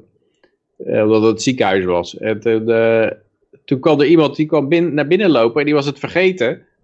En, je zag hem, en hij zag mij en ik oh shit, mijn masker. Dus hij stopte en zette zijn masker op. Vanwege mij. Ik had al willen zeggen van ja, eh, dat- voor mij hoeft het niet hoor. Maar, maar ja, het is, in een ziekenhuis moet je het waarschijnlijk toch wel doen. Ja. Vroeger niet hoor. Nee, maar nou is het natuurlijk allemaal gek. Hoewel, het wat me opviel, het ziekenhuis ook super leeg hè. Ja, ja. Ja, je ziet er bijna geen hond. eh. Oké, ja. Dus ik, ik merkte wel toen ik eh, vorig jaar, ehm hoe heet dat, eh, heb ik weer, ik, werkte toen wel eens in het ziekenhuis en toen heb ik, eh, na, na een paar maanden kwam ik daar weer te werken en toen merkte ik wel dat veel van die eh, personeel best wel eh, sceptisch was tegen die coronamaatregelen, weet je wel. Dus eh, Ja. Ja, het was... Ja, maar eh, zij zien natuurlijk ook dat het niet werkt. ja, en, en, ja, ja. en niet alleen dat, het is ook gewoon gezegd. Want het is alleen maar om een sense of urgency te houden. Het is, het is, eh, je, moet, je moet in paniek raken. De Duitse, Duitse politiek heeft het onderzoeksbureau ingeschakeld om te zoeken hoe ze mensen angst kunnen aanjagen. Dus ja, het, het, het is gewoon duidelijk dat het niks met gezondheid te maken heeft. Het is alleen, eh, ja, het is alleen psychologisch. Ja, ja, ja. Ja, het was een zo'n dokter daar, die had er nog wel goed op verdiend. Die, eh, toen het begin van het jaar, begin vorig jaar, daar werkte net die corona-onzin begon. Toen had hij het al over van, er werden, de vaccins kwamen al te sprake en die zeiden, oh, dit is een melkkoe, dat, eh, hier ga ik flink op verdienen. En toen in september sprak ik hem weer en toen zei hij van, nou, ik, eigenlijk hoef ik niet meer te werken, zegt hij. maar ik zit hier eigenlijk alleen nog maar omdat ja, de hele dag met mijn, thuis, met mijn vrouw thuis zitten is ook zo saai. ja. Maar goed, eh, over vaccins gesproken, hier hebben we Bill Gates. Nou, vorig jaar zaten we al te speculeren wat misschien de oorzaak kon zijn van de breuk tussen eh, Bill en Melinda. Maar het is nu eindelijk, eh, is, het, is, is, is het nieuws naar buiten hoor. Melinda heeft Bill gedumpt vanwege Jeffrey. ja. Ja, eh, shit. Hij gaat net weg hier. Ja, het is het verhaal dat, dat zij al in 2019 had gewaarschuwd voor zijn contacten met Jeffrey Epstein. En wat er ook naar buiten kwam is dat er zogenaamd, dat Bill zo, eh, die hield van seksorgieën. En eh, die had dan, eh, ja, dit zit ook achter een paywall geloof ik. Ik heb nog een andere, die van Bloomberg. Die is, eh heb geen paywall. Ja.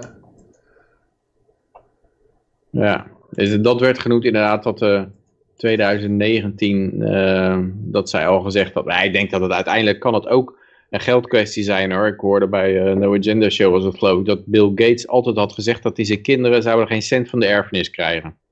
Hmm. En dat, uh, ja, ik weet niet waarom. Er zijn op zich goede redenen voor. Die IKEA-vent, die wil ook zijn kinderen geen erfenis geven, geloof ik.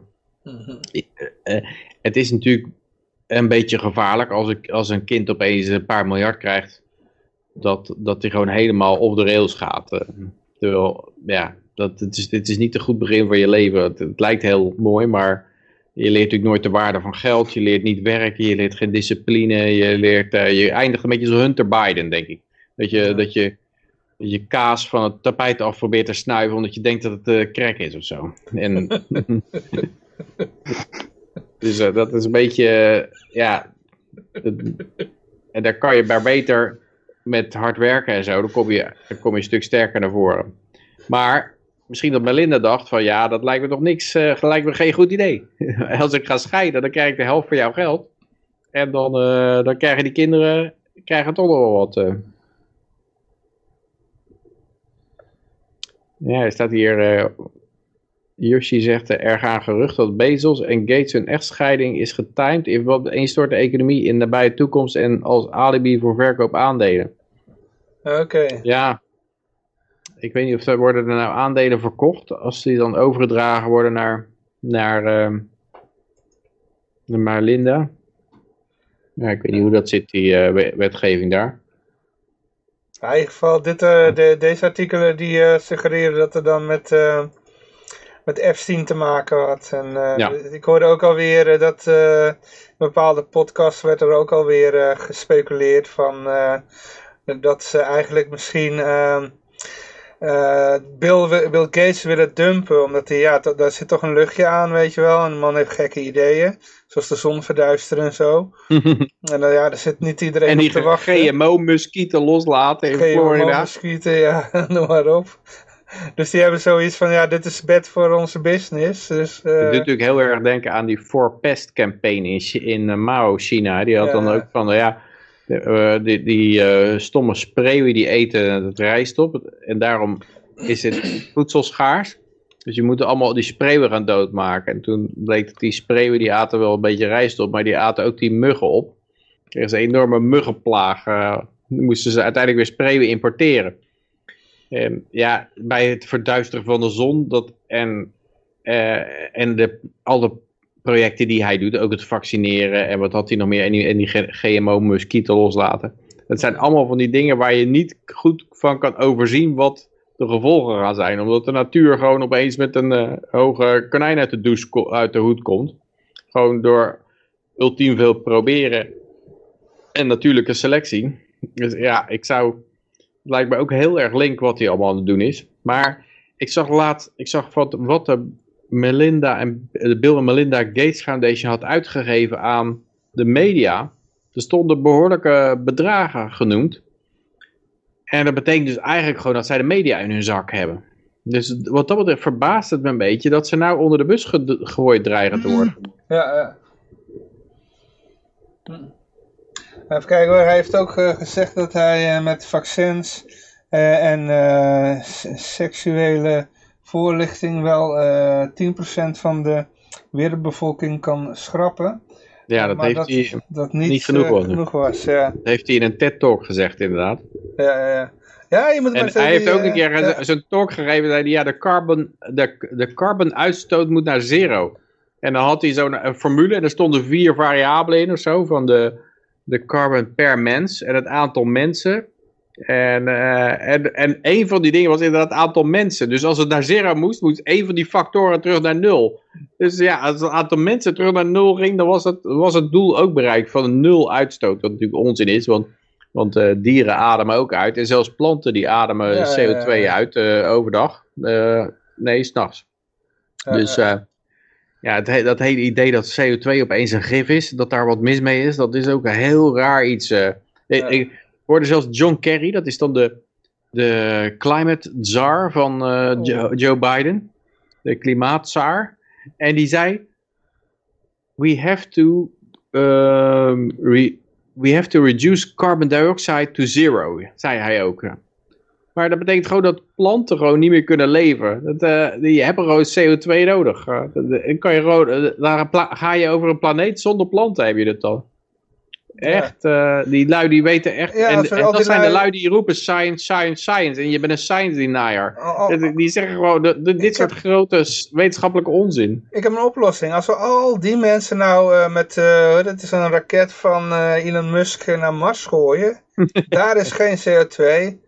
Daar zul je hartstikke gelukkig zijn. ja, ja. ja. Toedeledokie. Dat is toch een goed idee?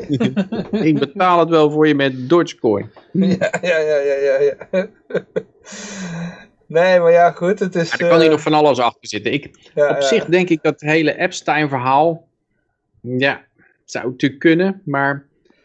Opeens is ze zich er nou zorgen over gaan maken, of wat is er nou gebeurd, of, of ze is... Uh, ja, ik, uh, het blijft speculeren. kijk, eh, kijk, als er gezegd wordt dat die Bill inderdaad wel eens seksfeestjes gaf met uh, strippers en hele zooi. Dan, uh, het is natuurlijk een nerd, dus ja, en een nerd die een hoop geld geeft, die gaat gewoon allerlei vrouwen lopen bonken gelijk. Ja. En ik denk dat... Um, nou, er was ook wel sprake van dat hij uh, weer terug wil naar zijn oude, naar een ex-vriendin van hem.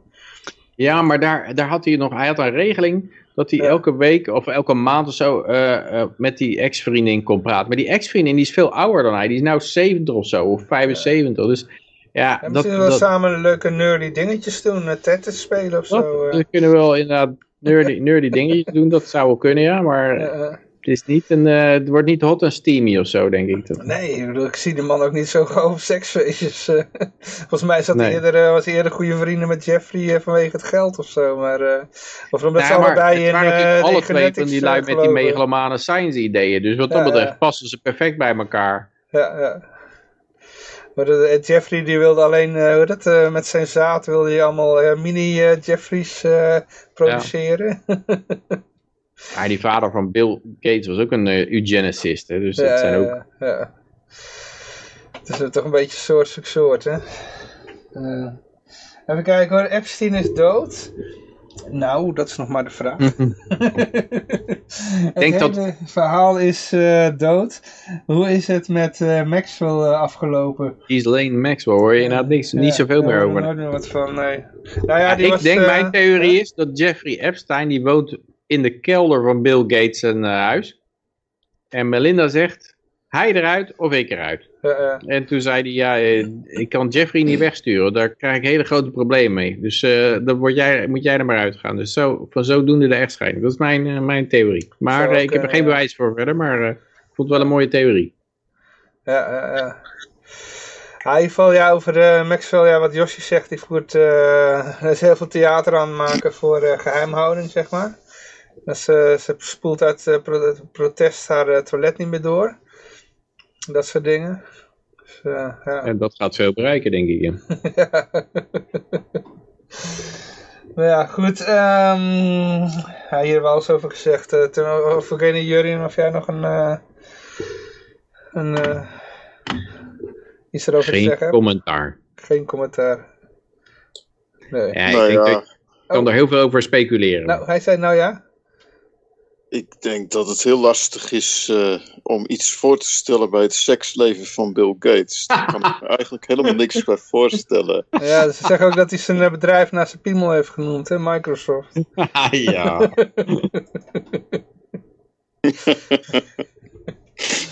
Maar goed, uh, dan gaan we naar uh, het laatste bericht. Dat is, Kijk, uh... dit, dit soort geintjes, daar gaat hij nou van zeggen... Oké, okay, nou ga ik de zon blokkeren en GMO-muskieten en toxische vaccins de hele wereld over. Ja. Even kijken. Um...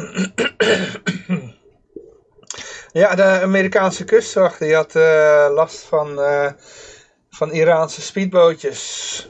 Dan denk je van, uh, wat doen die speedbootjes dan voor de Amerikaanse kust? Maar dan lees je verder en dan blijkt dat de Amerikaanse kustwacht bij de, in de Persische Golf uh, zit. ja, dit vind ik wel heel vraag. Wat doet de Amerikaanse kustwacht bij de Iraanse kust? ja. Ja. En dan, voeren, en dan vuren ze nog eh, waarschuwingsschoten af. Ja.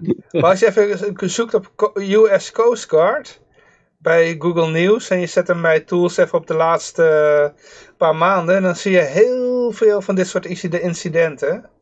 Ja, Dus het is gewoon, dit is niet één iets of zo, maar dit is continu. ze zijn aan het provoceren. Hè. Ze zijn Ja, aan ja, het ja. provoceren om een eh Tonkin-incident te creëren. Ja, ja, ja. En, eh, ja, het is ook maf. Dan zie je dus bij, voor de Iraanse kust, dan zie je de Amerikaanse Coast Guard, die enorme schip. En dan zie je, die, dan zie je een paar bootjes voorbij komen. En dat is dan waarschijnlijk de, de, de Iraanse Coast Guard. Dat zijn meer Coast Guard bootjes inderdaad. Dit is gewoon een ontzettend warship. eh. Ja, ja, ja. en die schieten, dan, eh, die schieten dan 30 waarschuwingsschoten af. eh. ja. Ja, ik denk dat, dat ze proberen iets te escaleren. Maar ik denk dat, dat Iran daar niet in gaat trappen. Verwacht ik. Ja, maar dan zetten ze wel iets in scène, weet je wel. Maar dat is inderdaad het geval. Dat is natuurlijk in Vietnam ook gebeurd. Dan zetten ze gewoon iets in scène om daar, eh, om daar eh, korte metten mee te maken. Zeg maar. Om, om een, een aanleiding te hebben van eh, zij zijn de agressor en nou, wij zijn alleen maar aan het ons verdedigen. Dan blazen ze een van hun eigen schepen op en dan geven ze Iran de schuld, zodat ze daar binnen kunnen vallen.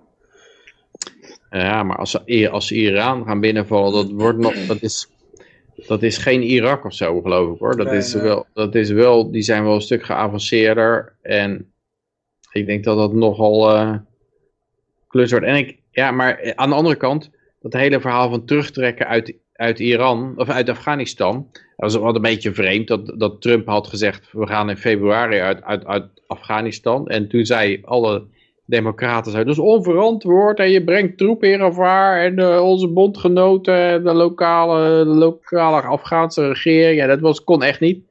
Komen ze zelf aan de macht. Ja, we gaan terugtrekken. Maar niet in februari, maar in, eh, op 11 september gaan ze dan terug. En we laten een hele hoop contractors achter.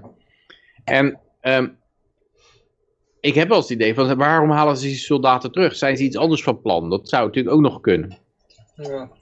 Dat ze in, eh, of in de Oekraïne iets willen starten, of met Iran, of... Midden-Oosten biedt ook weer zat mogelijkheden nu natuurlijk. En wij kunnen niet zien wat er allemaal over de snelwegen vervoerd is de afgelopen maanden vanwege de klok, hè? In, eh, niet alleen in Nederland, ook in Duitsland, eh, overal. Vanwege de klok. Ja, de nood hoor het, de, de Oh. Oh, oh ja, ja, ja, ja, inderdaad. Ja. Ja. Dus, eh, om even, even, even een complothoedje, hoe dat, al aluhoedje op te zetten. Daar had ik nog niet bij nagedacht. Is inderdaad... eh, Ja, maar de meestal als de overheid met zo'n regel komt, dan is het gewoon omdat er iets moet gebeuren wat wij niet mogen zien. ja, dat is een Ja. goeie. ja. En, eh, en India heeft nu een polio-probleem. Ja, aan de andere kant, Nederland heeft geen Ja. tanks meer. Wat gaan ze vervoeren dan nu? ja, nee, niet Nederlandse tanks natuurlijk, hè. er Ja. komt iets binnen. Ja, maar je zou zeggen, als er een hele hoop Amerikaans materieel binnenkomt, dat kunnen ze ook gewoon direct naar Litouwen voeren. Waar ze on- onlangs weer een enorme berg Amerikaanse militairen, die zijn eh, zo naar Litouwen ingevlogen. Daar 600 meter van de, van de grens met Rusland, vlakbij Sint-Petersburg, waar Poetin zit. Een beetje, ja. dat zijn ook van die provocaties. Van, eh, En in de chat eh, wordt ook nog van alles gezegd. Eh nou, sowieso JP eh, over dit. Eh Josje Al het goud, Al het goud. ehm, en of een half miljoen kinderen, zegt JP. JP zegt, India heeft nu een polioprobleem. Iedereen die het Bill Gates orale vaccin gekregen had, heeft nu polio. Acute flaccid Paralysis. paralysis. Oftewel, ze zijn compleet verlamd. Ja, inderdaad. ik ja, was, dat Bill eh, Gates India is uitgegooid inderdaad, Ja, vanwege dat, eh, dit akkefietje. ja, ja. En eh, ik geloof dat hij niet eens duidelijk had gemaakt dat ze een eigenlijk experiment meededen. Ja, ja. Dat was ook nog... Nu, eh, zo, nu doen we ook allemaal, tenminste degene die gevaccineerd worden met een eh, eh, NRA-medicijn die... eh, Ja, formeel als je de doos opent en je kijkt op, het, eh, op de bijsluiter of zo, daar staat er geloof ik wel op van... maar ja, dit is eh, experimenteel en is niet goedgekeurd. Maar niemand leest dat natuurlijk. Niemand leest dat ook voor. nee, Dus, eh, inderdaad, het wordt niet voorgelezen, nee. het is, eh, je krijgt die bijsluiter niet te zien, dus... Nee. Maar het is, dat, dat is wel cover your ass, zeg maar. Ze, ze zijn wel, ze zijn cover your ass safe. Ja, maar ze kunnen ze toch niet aangeklaagd worden, toch? Dat staat nou zelfs in de wet.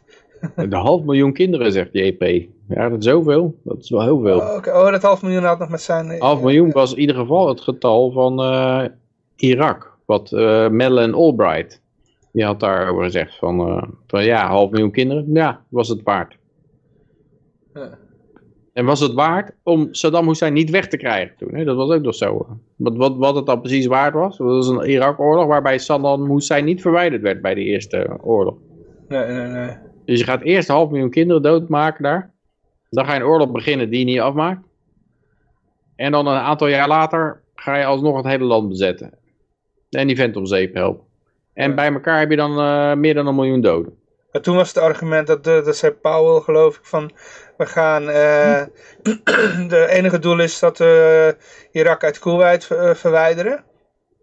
En dan Ja. gaan we gaan verder niet met de Irak bemoeien, want dan krijg je een machtsvacuum en dat eh, moeten we niet willen. En de tweede keer hebben ze dus inderdaad eh Saddam Hussein Ja. om zeep geholpen en wat kreeg je dus? Inderdaad, een machtsvacuum. Dus Ja. ja. ja. En dat hadden ze nodig om, ehm, dat hadden ze weer nodig om eh, dat tegen, eh, hoe heet het nou, Eh, Syrië te gebruiken.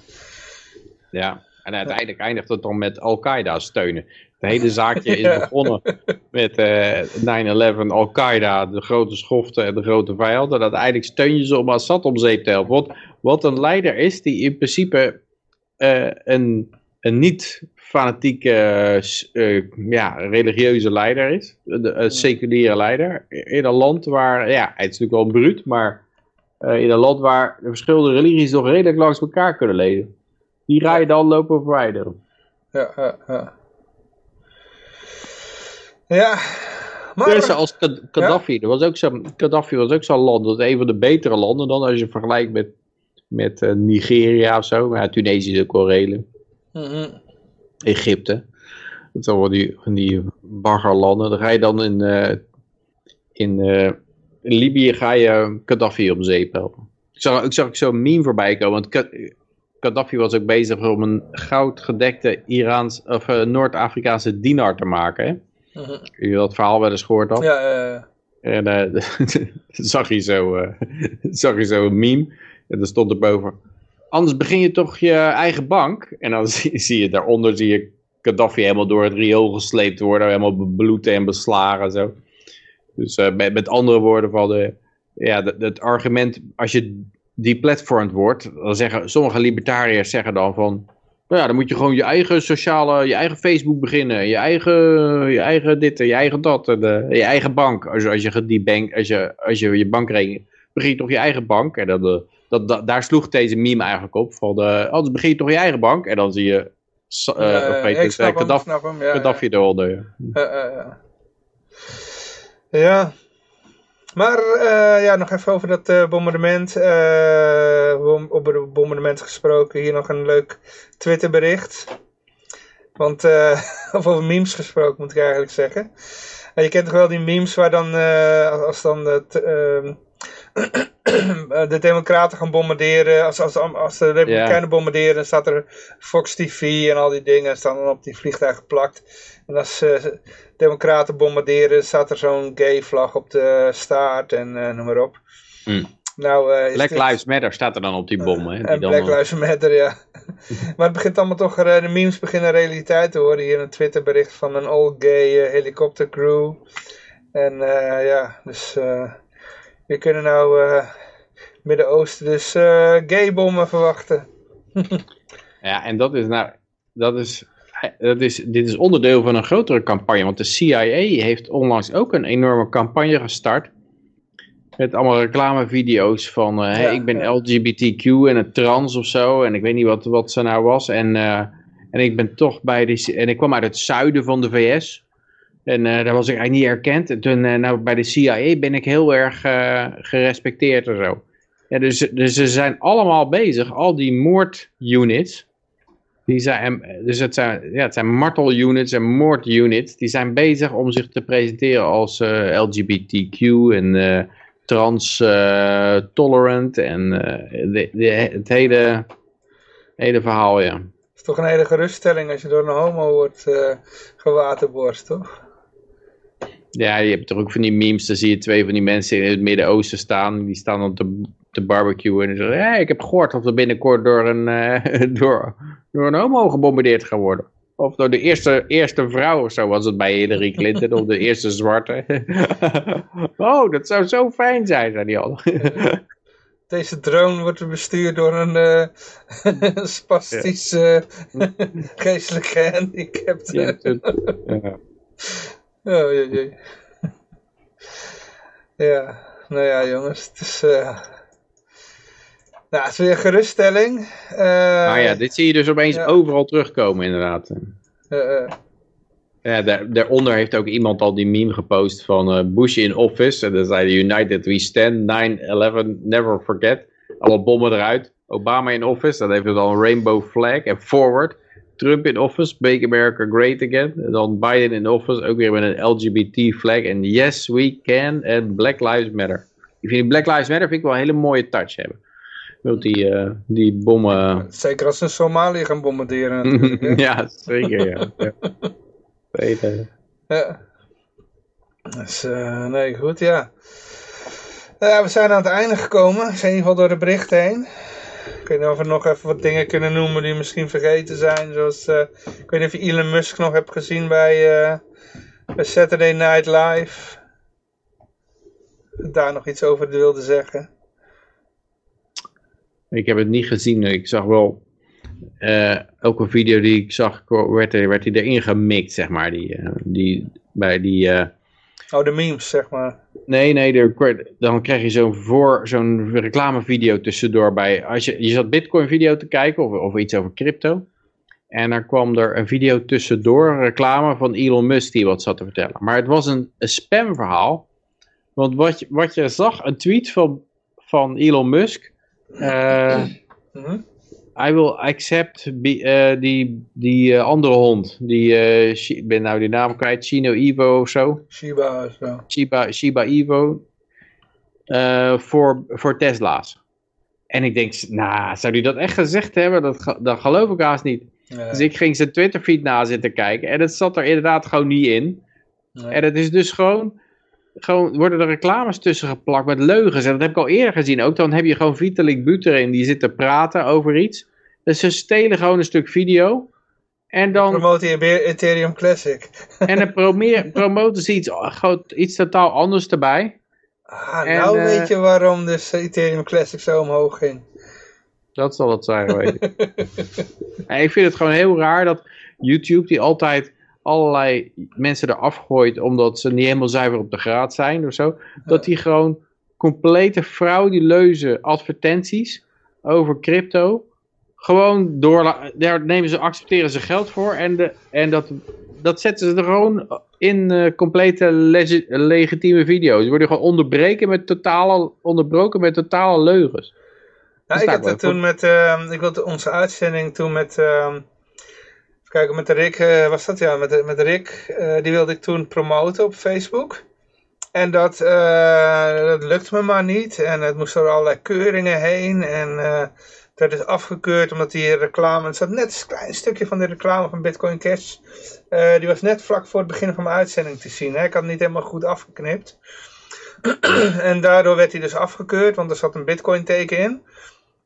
En toen, uh, maar, maar, dezelfde tijd zag ik dus die, al die uh, reclame voorbij komen op Facebook van, de, van dat uh, Jort Kelder bitcoin aan het aanprijzen is. Hè? Ja, wat hij al, dat soort dingen ook man. Expliciet gezegd heeft dat hij dat nooit zal doen. Dus de hele rechtszaak over een ja, boer? Ja, en ik, ik keek zo bij de, de comments en dan hoor je allemaal mensen de hele boos zeggen, ja, ik heb het de hele tijd gerapporteerd en hij wordt maar niet weggehaald. Weet je wel, ja. maar als ik een, een verkeerde opmerking maak over, uh, nou ja, van de week werd ik dus geband.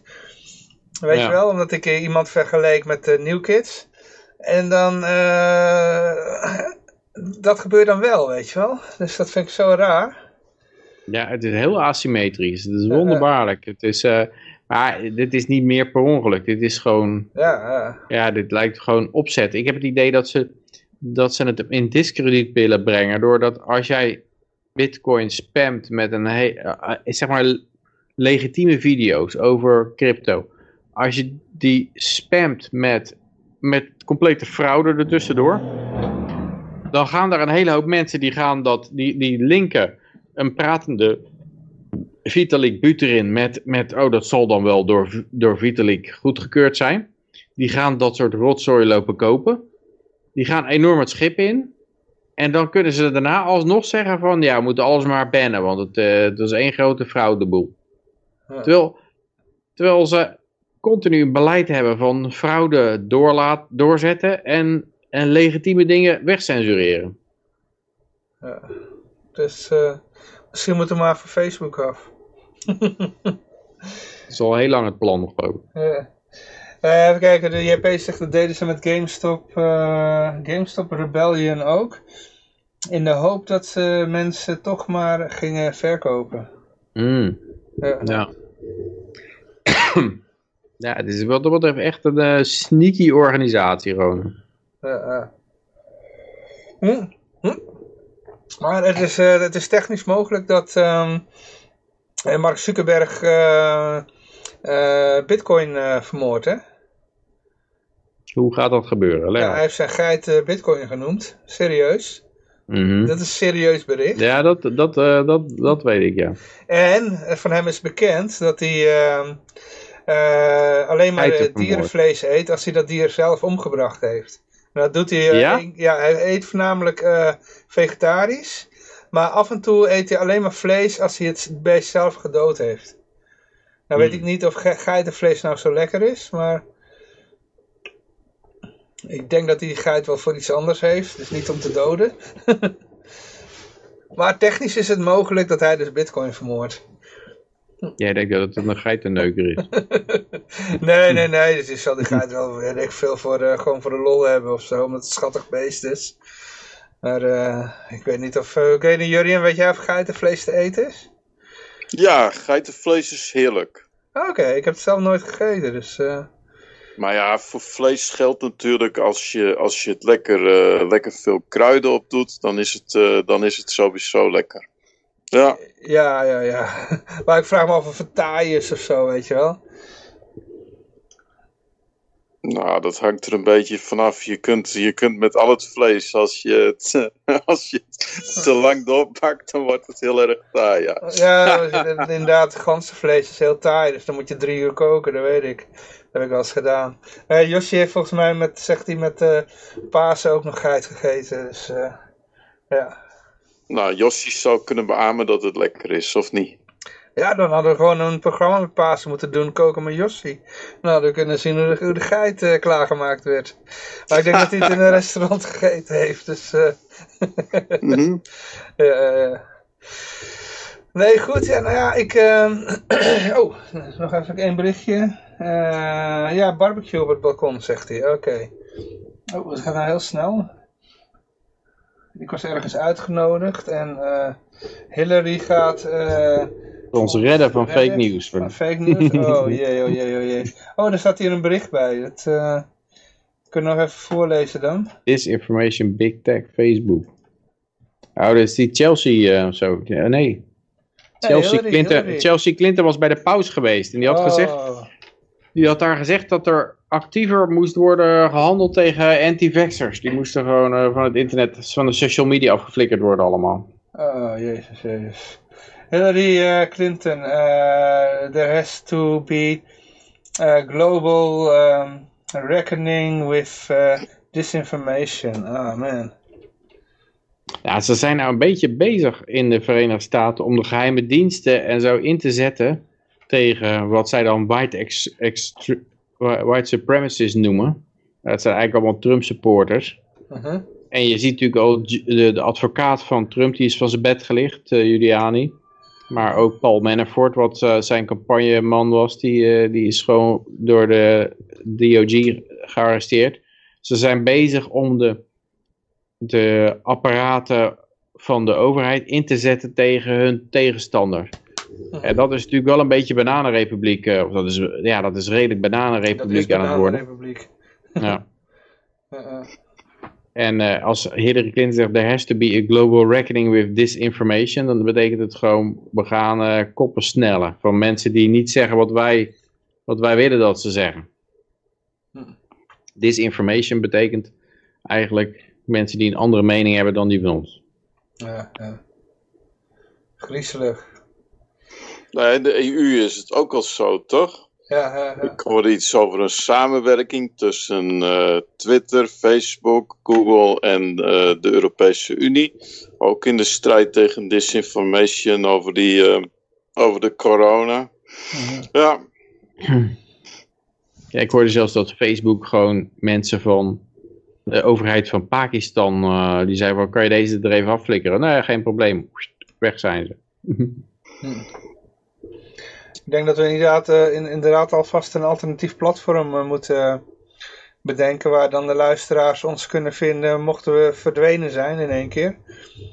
Dus in ieder geval eh, op eh, memo.cash, eh, onder mijn naam Johan Jongep, hier eh, kun je me sowieso vinden.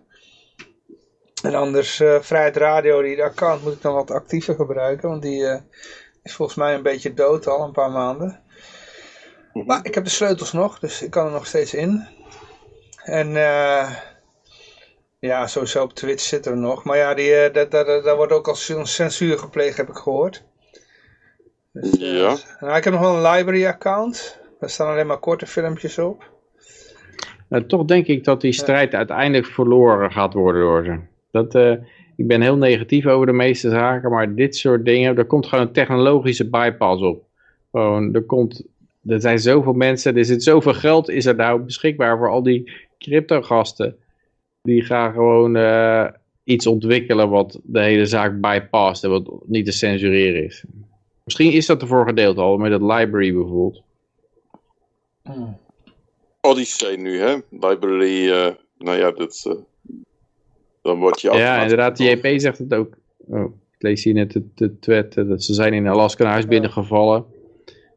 Eh, omdat ze dachten dat er iemand op 6 januari aanwezig was in Washington. Bleek achteraf niet zo te zijn. Eh, ja, die, ze rabben gewoon je voordeur in. Ze vliegen helemaal naar Alaska toe, inderdaad. En eh, ja, ik denk inderdaad dat ze wel...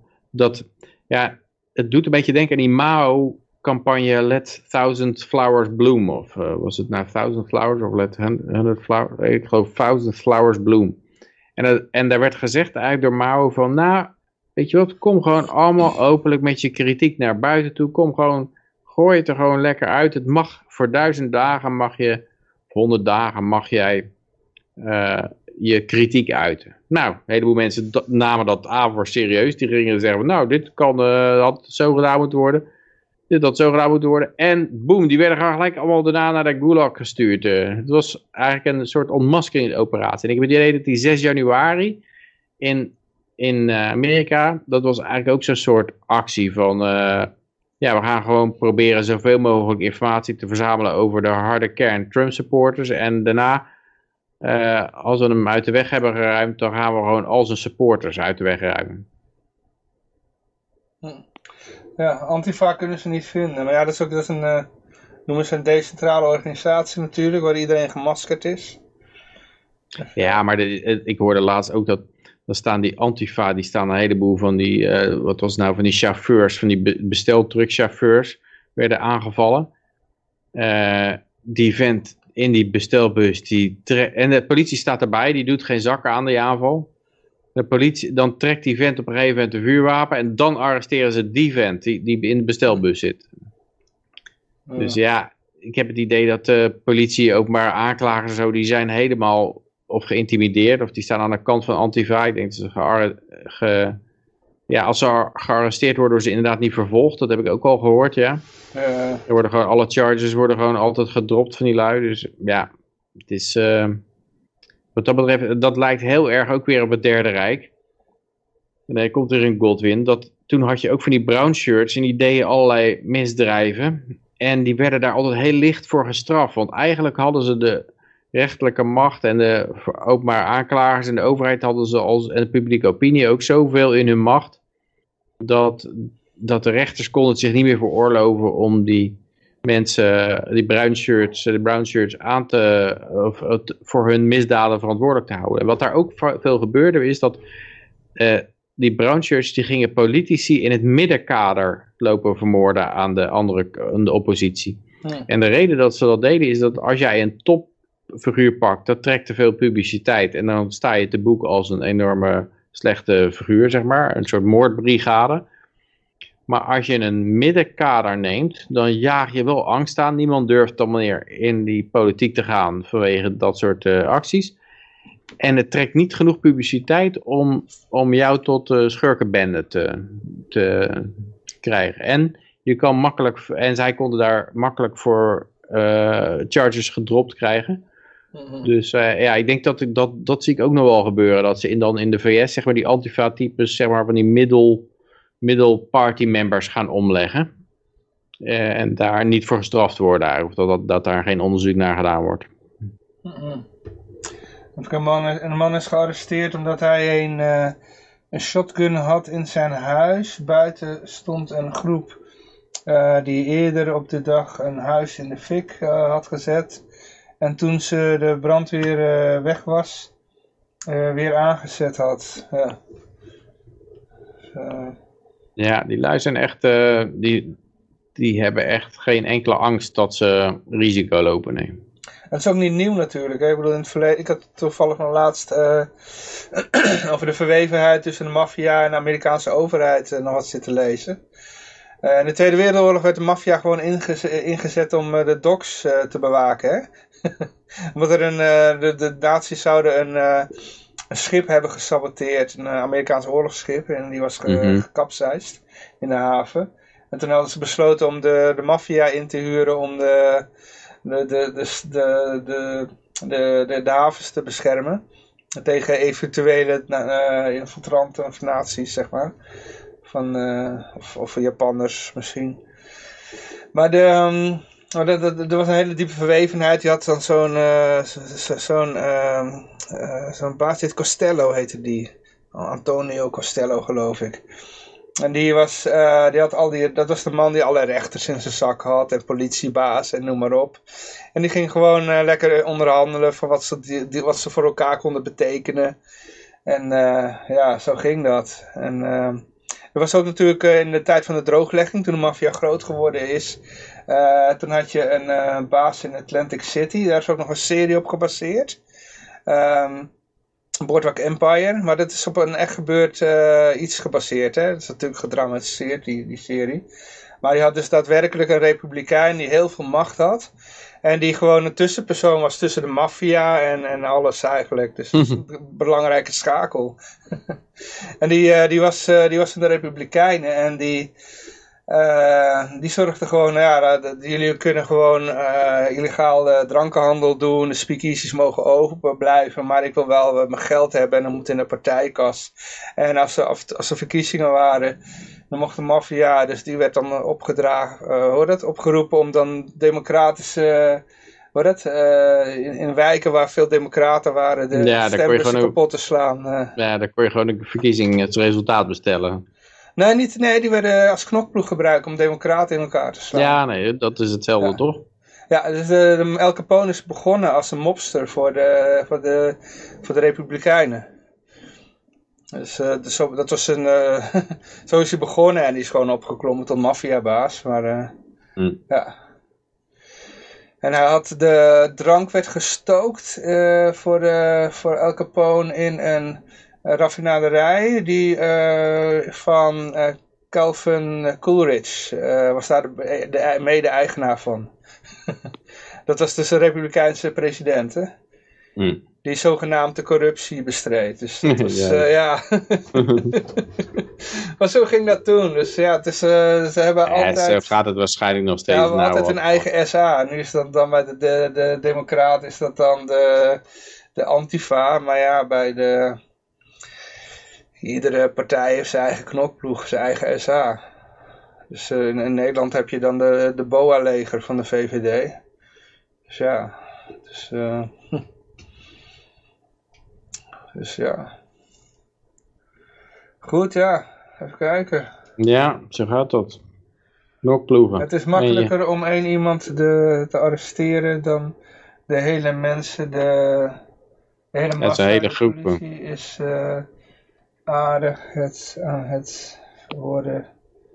eh, eh, eh. Ja, maar toch weten ze bij zo'n mu- museumplein-demonstratie toch een hele, hele groep. En die gaan ze toch ook gewoon te lijf. Het is ook, er zit ook iets bij van, eh, zit er maatschappelijke steun achter of zo? Of Ja, waar-. Ik denk dat het bij de Antifa, die zijn volgens mij ook op persoonlijk vlak enorm agressief. In de zin dat Mhm. als zo'n rechter iemand veroordeelt, dan gaan ze gewoon die rechter persoonlijk pakken ze gewoon. Eh, die maken ze hun leven heel erg ondraaglijk. Ja. En ik denk dat dat op zich ja, vrij goed werkt, als je vanuit hun oogpunt gezien. Mhm. En ja, dan krijg je inderdaad ook wel zo'n scenario, misschien mogelijk wat, wat je in Duitsland had, dat, dat het out of control bende is. En dat ze dan uiteindelijk, als ze het leger erbij willen hebben, zeggen nou ja, we, willen het steun van het leger hebben. Dat leger zegt, ja dan willen we eerst even die hele zaak schoonvegen met die, eh met die, eh, die railschoppers. En dat ze daar gewoon korte metten mee maken. Dan zou goed kunnen, ja. Mhm. Een groep mensen met eh, bloemetjes en liefdeposters. Dat doen ze wel, ja. Antifa in, kijk hoor, in de, Den Haag en Amsterdam deden ze niks. Dat komt eh, de burgemeester eh, erbij staan. Ja, ja, inderdaad. Ja, Dat de burgemeester gewoon bij Antifa lui. ja, ja die, eh, hoe heet die nou? Die eh, Halsema, die kan er ook tussen staan. Hm. Ook in het zwart. Ja, dat is BLM eigenlijk dan. Hè? Maar ja, het is allemaal één pot nat Hm. natuurlijk. Dus, Tegenwoordig dicht tegen elkaar aan, ja. ja, ja. Dus ja, nee goed, ja, maar eh, ik weet niet of jullie nog verder willen gaan. Ik eh, Nee, morgen weer vroeg op. laten we dus vroeg, eh, vroeg afronden inderdaad. Ja, ja, ja. Even kijken hoe laat het is trouwens. Oh, het is nog niet eens 11 uur joh. Ja, we zijn ook op tijd begonnen. Ja, het is kort.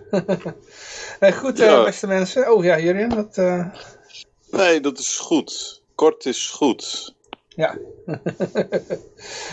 Okido. Eh goed, eh, nou ja, dan eh, beste mensen. Ik wil in ieder, geval, iedereen hartelijk danken voor het deelnemen. Uiteraard de luisteraars hartelijk dank voor het luisteren. Uiteraard zijn we volgende week weer. Ik wens iedereen een vrolijke en vooral heel erg vrije week toe. En ik zou zeggen F12. Hartstikke-